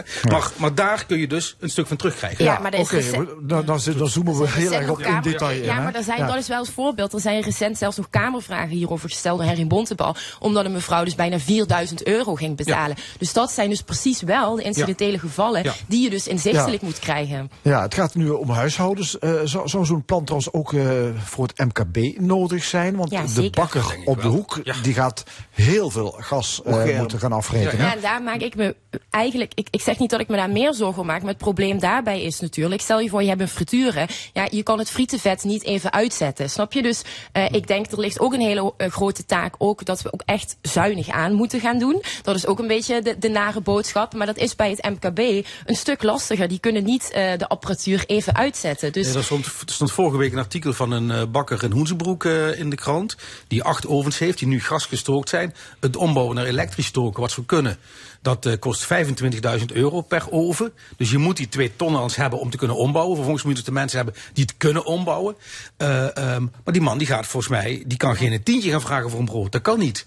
Maar daar is dat is natuurlijk wel een, een risico. En hebben we het nog niet over de, over de zwembaden gehad, over de sporthallen gehad, over de gemeente zelf, die nog allemaal panden hebben. Daar hebben we nog helemaal niet over gehad. Maar die betaalt natuurlijk ook. En ik ben het met Henk eens wat hij net aangaf over Tata Steel. Kijk, als je bijvoorbeeld ziet naar de verduurzaming en subsidies die wij vaak in grote bedrijven steken, eh, dat vind ik is, eh, dat ontbreekt eigenlijk nog veel te veel bij het MKB. Ja. Eh, die hebben veel vaker op eigen kosten eigenlijk moeten verduurzamen. Daar is het een stuk lastiger. We hebben, en ik snap het ook wel, de meeste winst is ook te behalen eh, bij de grote bedrijven. Maar het kan natuurlijk niet zo zijn dat het MKB nu de klappen gaat, gaat krijgen. Goed, ander nieuws van deze week. Eh, woningzoekenden die moeten makkelijker een huis kunnen vinden in hun eigen woonplaats. Dat is het plan van minister Hugo de Jonge. Gemeenten mogen straks de helft van de beschikbare huurwoningen toewijzen aan mensen met, zoals het heet, een lokale binding. Goed plan? Slecht plan? Ik dacht dat dat al Hustings? was. Ja, voor een deel. Voor een, voor deel, voor een deel is het. Maar, maar eh, dat is toch het meest logische wat je hebben kunt. Eh, we praten er nu over dat, dat hele eh, be- eh, gemeentes en dorpen ontvolkt worden en leeglopen. Nou, de manier om die mensen een beetje vast te houden, om ook zo'n gemeenschap in stand te houden, met alle functionaliteit die erbij hoort, hè, zoals verzorging, winkels, ga zo maar door, is dit natuurlijk een uitst- uitstekende maatregel. Is dit een geval van eigen volk eerst? Nou ja, de, de, de vraag is een beetje van. ehm, als, je in de Randstad, als je in de Randstad woont, dan is dat een probleem wat ik me heel goed herken. Een neef van mij woont in de Randstad en die wil graag met zijn vriendin gaan samenwonen. Die betaalt meer dan 2.500 euro voor een appartement. Als je er eentje vindt. Snap je? Dus ik snap. Dat voor, Ja, ik vind- voor ik mensen in de grote stad ik die, die een baan hebben in het onderwijs, of in de zorg, vind- bij de politie, is dat is, is, prima. bijna een logische stap. Alleen Ja. de vraag is of dat ook in, in Zuid-Limburg of in Noordoost-Groningen gaat, eh, voor, opgaat. Of dat een oplossing is. En het gaat namelijk niet zozeer over die huurwoning, maar volgens mij wil hij ook over de koopwoning Ja. gaan de hebben. koopwoningen onder de En NHG-grens. Tot- tot 350.000 euro. Ja, ja, ja. En dat is de vraag of je dat wel kunt sturen als overheid. Dat weet ik niet, want als Oh ja. ik mijn huis ga verkopen, mag ik toch kiezen aan wie ik het huis wil verkopen? Nou, straks dus niet meer. Ja, je kan dan inderdaad met een bepaalde woonvergunning. Nou ja, kijk, in die zin, in heel veel gemeenten, ook in Heerlen, maar ook in Maastricht, hebben we het nu bijvoorbeeld ook al over de woonplicht.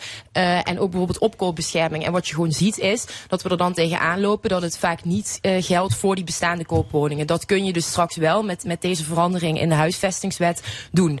En eh, tuurlijk ja, dat is ook denk ik waarom VVD eh, enigszins hier, hier tegen is. Hè, van ik ga er zelf over aan wie ik mijn koopwoning eh, verkoop. Maar uiteindelijk gaan gemeenten mogen straks zelf daar ook invulling aan geven. Dus het is ook helemaal niet dat het nu vanuit landelijk wordt opgelegd. Iedere gemeente mag, dat, mag zelf straks die afweging maken. Dus als dat noodzakelijk is, bijvoorbeeld bij ons in gemeente Maastricht is het wel zo dat heel veel koopwoningen worden opgekocht door expats. Die drijven daarmee ook de prijzen op.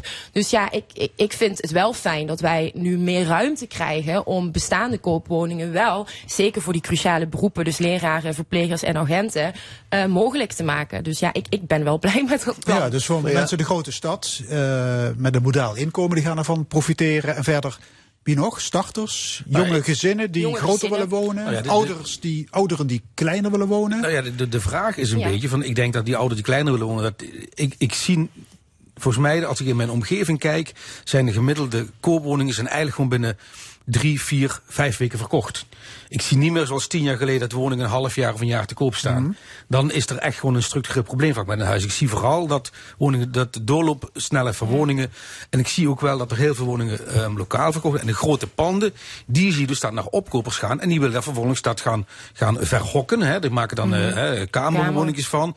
En dan liefst voor, eh, voor eh, mensen die, die eh, hier eh, bijvoorbeeld bij Amazon gaan werken of zo. En dan met, eh, met twee mensen op een klein kamertje.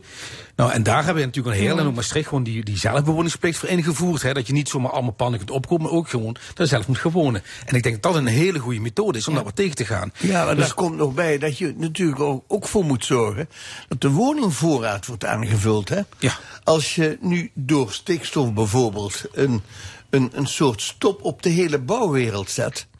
Dan kun je aan de voorkant wel heel leuk huizen willen eh, en zitten verkopen. Als het aan de achterkant niet bijgevuld wordt, dan ben je gauw klaar. Maar wij maken het onszelf onmogelijk door die, die, die stikstofproblematiek om nieuwe woningen te bouwen. Zeggen nee, dat mag niet. Dat produceert te veel stikstof om ze te bouwen. Met andere woorden, we geven geen vergunning om te bouwen, dus we bouwen maar niet. En dat wordt een spiraal dat straks eh, woningnood eh, werkelijk een nog veel urgenter probleem wordt dan het nu al is. En in veel kleine gemeenten is er bijvoorbeeld ook geen ruimte om te bouwen. Hè. Dat is ook iets wat minister De Jonge heeft gezegd. Dus dan maak je het wel op, met deze regeling maak je het wel mogelijk dat ze ervoor kunnen zorgen dat bijvoorbeeld jonge starters in een wijk waar hun ouders bijvoorbeeld wonen, dat zij daar ook de mogelijkheid, mogelijkheid krijgen om eh, een huis te kopen. Dus ja, als er plaats is en als er woningen zijn. Ja, ja, ja, dus de bestaande koopwoningen. Hè. Dus omdat er nieuwbouw dan niet toegevoegd kan worden. Dat is eigenlijk wat, wat minister De Dus verhuizen in de eigen gemeente wordt gemakkelijker. Maar verhuizen naar een ander dorp of stad wordt lastiger. Ja, nou ja, het is nog steeds 50-50 dan. Hè? Dus eh 50% koopwoningen. Eh, 50% van is nu mogelijk. Hè? Dus, maar het is, het is Ja. ook helemaal niet de vraag of iedere gemeente dit gaat doen. Hè? Nee. Dat is even het ding. Eh, dit is vooral bedoeld voor gemeenten die daar echt behoefte aan hebben. Ik denk niet nu dat alle gemeenten in Nederland met dit plan aan de slag gaan. Dat is ook net Nee, wat, wat, wat Henk aangeeft. Nee, maar het aantal woningen dat straks beschikbaar is voor mensen zonder lokale binding wordt kleiner. Als de gemeente dat En wil dat doen. leidt tot prijsopdrijving, neem ik aan. Want Ja, nou ja, kijk, als we het even, even houden tot, tot die huurmarkt. Hè, want Ja. daar kun je als gemeente wat makkelijker in sturen dan in die, eh, in die, in die koopwoningen, denk ik. Hè. Dus we kijken naar. Denk van ja, wat wij in Heerlen zien, is dat we natuurlijk ook nog wel eens, en ik weet niet of dat in Maastricht ook zo is, maar dat we ook nog wel eens mensen uit de Randstad geadviseerd worden. Ja. Ga maar in Heerlen wonen. Ga maar in Heerlen wonen, want zijn, zijn woningen. ja. ja, Den Haag. Hè, daar heeft, Peter van Zutphen vaak, zich vaak Mhm. over geërgerd. Ja. Maar dan komen uit Den Haag worden die naar Heerlen afge, ja, bijna afgeserveerd. Hier heb je nog een treinkaart erbij en zoek het je uit. En he- dat daar ook wat meer in kunnen sturen, dat is alleen maar goed. Dus ik denk van dat dat zou wel goed zijn. Dus Ja. ik, ik ben ook heel benieuwd hoe dan de effectiviteit, en ik ben ook heel benieuwd van hoe de woningcorporatie daarmee omgaan, hoe we daar naar gaan kijken met elkaar. Maar die prijzen worden nu juist eh, enorm opgedreven. Dus het is nu onmogelijk eigenlijk voor een leraar eh, of verpleger om, om een huis te kopen. Dus ik denk als je inderdaad ehm, die, die, die huizenmarkt, die woningcrisis eh, wil omdraaien, wil wijzigen, moet je met dit soort ja, toch wel strenge maar wetgeving komen. Gabrielle, stel je krijgt een mooie baan aangeboden in Venlo. Mhm. Dan ga ik Dan krijg, niet je, naartoe. dan krijg je geen woning. Want je bent geen, je bent geen Venloze. Dat zal, Dat komt er niet in in. mijn geval nooit gaan gebeuren. Ik heb Maastricht zeer zeker niet Maar, verlaten. maar er zijn Dus andere me er redenen geen voor, niet vanwege de Ja. woning. Goed, het gaat in ieder geval om een wijziging. Een wijziging, een wijziging van de huisvestingswet. En die moet nog worden behandeld in de Eerste en Tweede Kamer. Ja. CDA-voorzitter Harald Schreuder gaf deze week een interview aan de Limburger. En Schreuder die maakt zich duidelijk zorgen over het CDA. Hij verzuchtte zelfs dat het CDA wel eens op nul zetels kan uitkomen Ja. bij de volgende verkiezingen.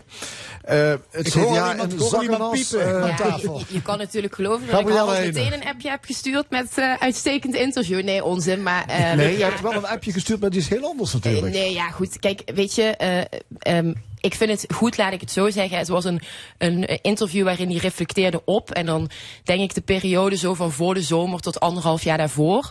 Eh, en in die zin vind ik het een goede eigenschap om ook te reflecteren en ook je eigen fouten toe te geven. Alleen, ik, ik vind mezelf een redelijk jonge CDA. Als ik nu om mij heen kijk en ik kijk hoe het er nu voor staat, zie ik echt wel een generatie CDA's. Ehm, bijvoorbeeld in Venlo, een Tom Verhaag heeft het CDA het goed gedaan. Marco Peters in Heerlen ehm, heeft het CDA het ook goed gedaan. Stijn Kropman. Eh, dus je ziet echt wel dat er een, een, een nieuwe generatie CDA's opstaat. En die ook voor een hele andere dynamiek zorgen.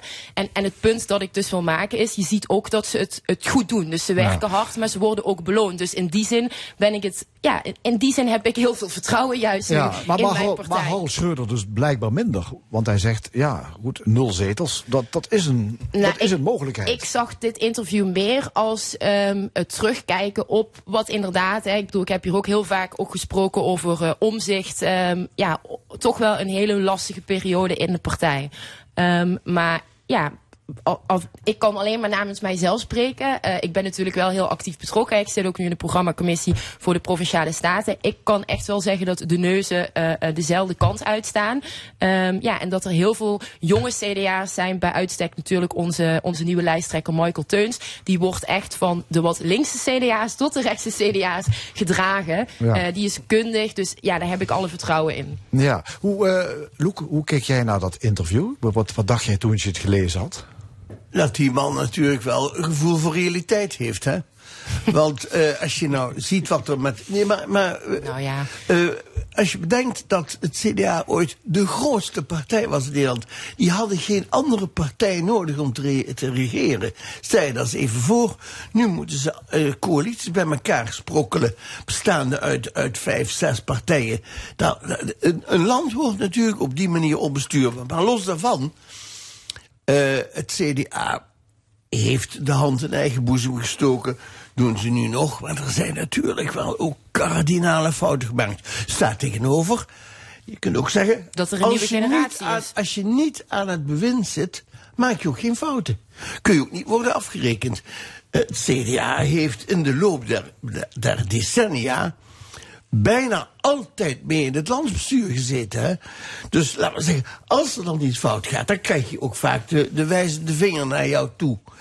Gepinpoint. En er zijn anderen die in de zijlijn keihard staan te schreeuwen dat het allemaal fout is, allemaal beter moet. Hier ging het ook heel Maar- over CDA Limburg natuurlijk. Hè. Dit was echt wel over de perikelen die hier in, in Limburg hebben gespeeld. Nee, maar En- de godsdank gaat het de rest van het CDA heeft het ook over landelijk goed. natuurlijk. Hè. Het gaat ook over Omtzigt, over Caroline van der Plas. Die eigenlijk, eh, eigenlijk in wezen zegt hij, zijn dat ook CDA'ers. Alleen ja, ze, ze opereren niet zijn namens het CDA. hè? Ja. En niet voor niks. Ja. Henk Verrek? Da- nou, niet voor niks weet ik niet. Ik, ik, nou, weet, je- weet je, ik ben, ik ben niet zo'n eh, zo'n wegloper eh, van een partij. Ik ben al heel lang lid van de Partij van de Arbeid. En dat zal ik ook wel de rest van mijn leven blijven. En ondanks wat er gebeurt, zal ik eerder misschien mijn lidmaatschap opzeggen. Maar ik zal niet naar een andere partij gaan. Natuurlijk is het, het verhaal van Pieter Omzicht een volstrekt ander verhaal. Dat vind ik daarin in, eh, denk ik van echt volstrekt anders. Caroline van der Plas, dat is een hele slimme marketeer. Daar zit niks boers aan. Nee. Maar ik denk dat als ik, als ik naar het... Ja, weet je, dat is gewoon echt een marketeer die het gewoon verdomd goed doet. En ze had misschien beter andere dingen. Maar dat doet ze gewoon heel slim. Ehm, maar als je nu kijkt naar dat, dat interview, ik heb het gelezen en ik dacht van... Ja, wat, wat jij ook zegt, Loek, eh, het is zelfinzicht, dat ben ik met je eens. Eh, het is ook altijd een beetje van, ja, volgens mij heeft het CDA ooit bedacht, van, we moeten nooit in een, in een vlek wrijven. Hè, want dan wordt in de vetvlek wrijven, wordt het helemaal groot, dus dat moet je niet doen. Eh, ehm, dus ik weet niet of het altijd heel slim is om zo'n interview te geven. Dat denk ik ook, denk ik ook eens aan. Maar ik denk van ja, ze hebben het ook een beetje aan zichzelf te danken. Er zit natuurlijk, zijn, is een generatie bestuurders geweest die op een gegeven moment zoveel macht kregen en dat dan ook op een gegeven moment ook gaan zijn gaan misbruiken. En dan is het risico, wat je ook zegt, als je jaren aan de macht zit, is er het risico dat je, eh, dat je ook dat alsmaar als gewoon gaat vinden. En vandaar het ook als een Daar soort... zijn wel allerlei rapporten ook over geweest. Hè. Dus ik vind wel die nuance. eh, ik bedoel nogmaals, hè, we hebben ook dat rapport van Keizer. We hebben echt wel eh, van onze fouten eh, geleerd. Maar ik vind ook wel dat er soms in de media... eh, er zijn onafhankelijke onderzoeken geweest. Daar zijn de uitkomsten duidelijk van. Ehm, die spreken ook voor zich. Dus in, in die zin, hè, er was bijvoorbeeld in Limburg, wil ik toch nog een keer benadrukken, geen absurde eh, bestuurscultuur ten opzichte van, van de rest van het land. En, en dat zeg ik niet als CDA, dat zeg ik eigenlijk gewoon als Limburger. dus ik vind dat, ook wel maar- belangrijk Maar, maar daar ben ik, volstrekt, daar ben ik volstrekt met je eens. Hè?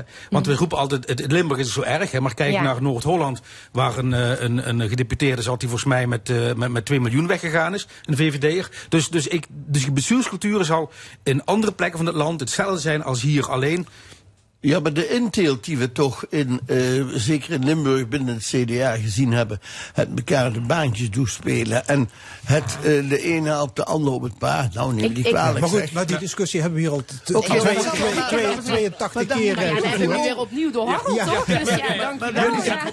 Ik wil, Maar je moet toch de ogen niet versluiten. Nee, oké. Ik wil nog naar een ander thema. Meisjes in het voortgezet onderwijs hebben het zwaar. Dat blijkt uit een deze week verschenen onderzoek. Het aantal tienermeiden dat kan met angsten, piekeren en depressies is fors toegenomen.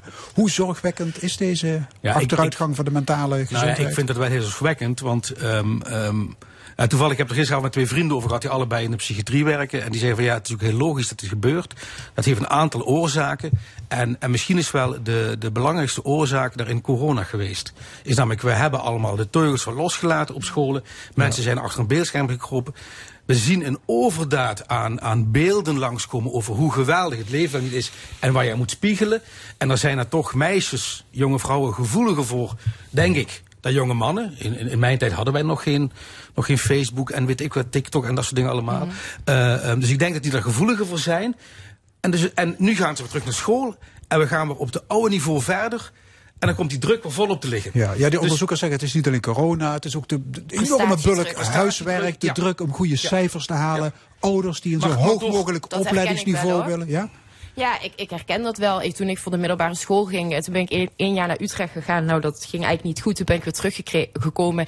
En toen kreeg ik zelf ook wel een beetje last van, eh, van eh, paniekaanvallen en angstaanvallen. En dan ga je dan naar een dokter bijvoorbeeld. Nou, die schrijven daar ook bijvoorbeeld heel snel al antidepressiva uit. Dat zag ik laatst ook in een ander artikel, dat steeds meer meisjes aan de antidepressiva gaan.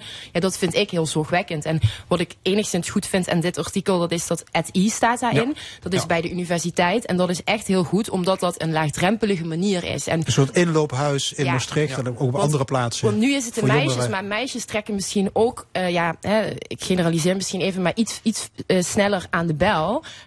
J- jongens daarentegen misschien niet. En dit is wel een iets wat makkelijke manier om over je problemen te praten. En vaak wordt het dan ook niet erger.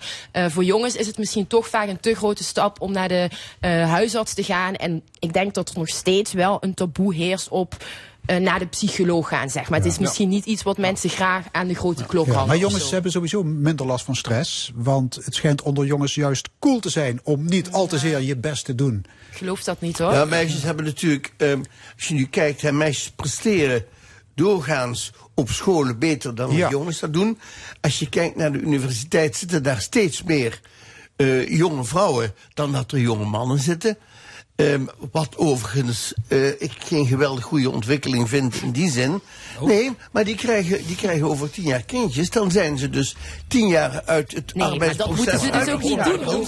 Dat Ja, is eh, heel conservatief. Je moet gewoon doorwerken als je kinderen Ja, maar krijgt. wacht even. Maar je wil niet weten wat zo'n universitaire studie kost, hè? Daar wordt in geïnvesteerd, maar dat wordt niet ten volle dus eh, eh. effectief gemaakt. Maar goed. Maar overigens, ik, met, met jongens, hè, je ziet best wel veel af, zelf. ik ga je afkappen. sorry. Eh, tijd is om. Hartelijk dank, discussiepanel. Gabriel Heine, Loek Hustings en Henk Verrek. Dank jullie wel. En dit was de stemming voor vandaag. Gemaakt door Tino Holleman, Frans Geraas en Frank Ruber. En we zijn er volgende week natuurlijk weer. Dan om 11 uur op L1 Radio. Dit programma wordt herhaald maandagavond om 8 uur. Het is ook te beluisteren via onze website l1.nl en via podcast. Nog een mooie zondag. Mazeik presenteert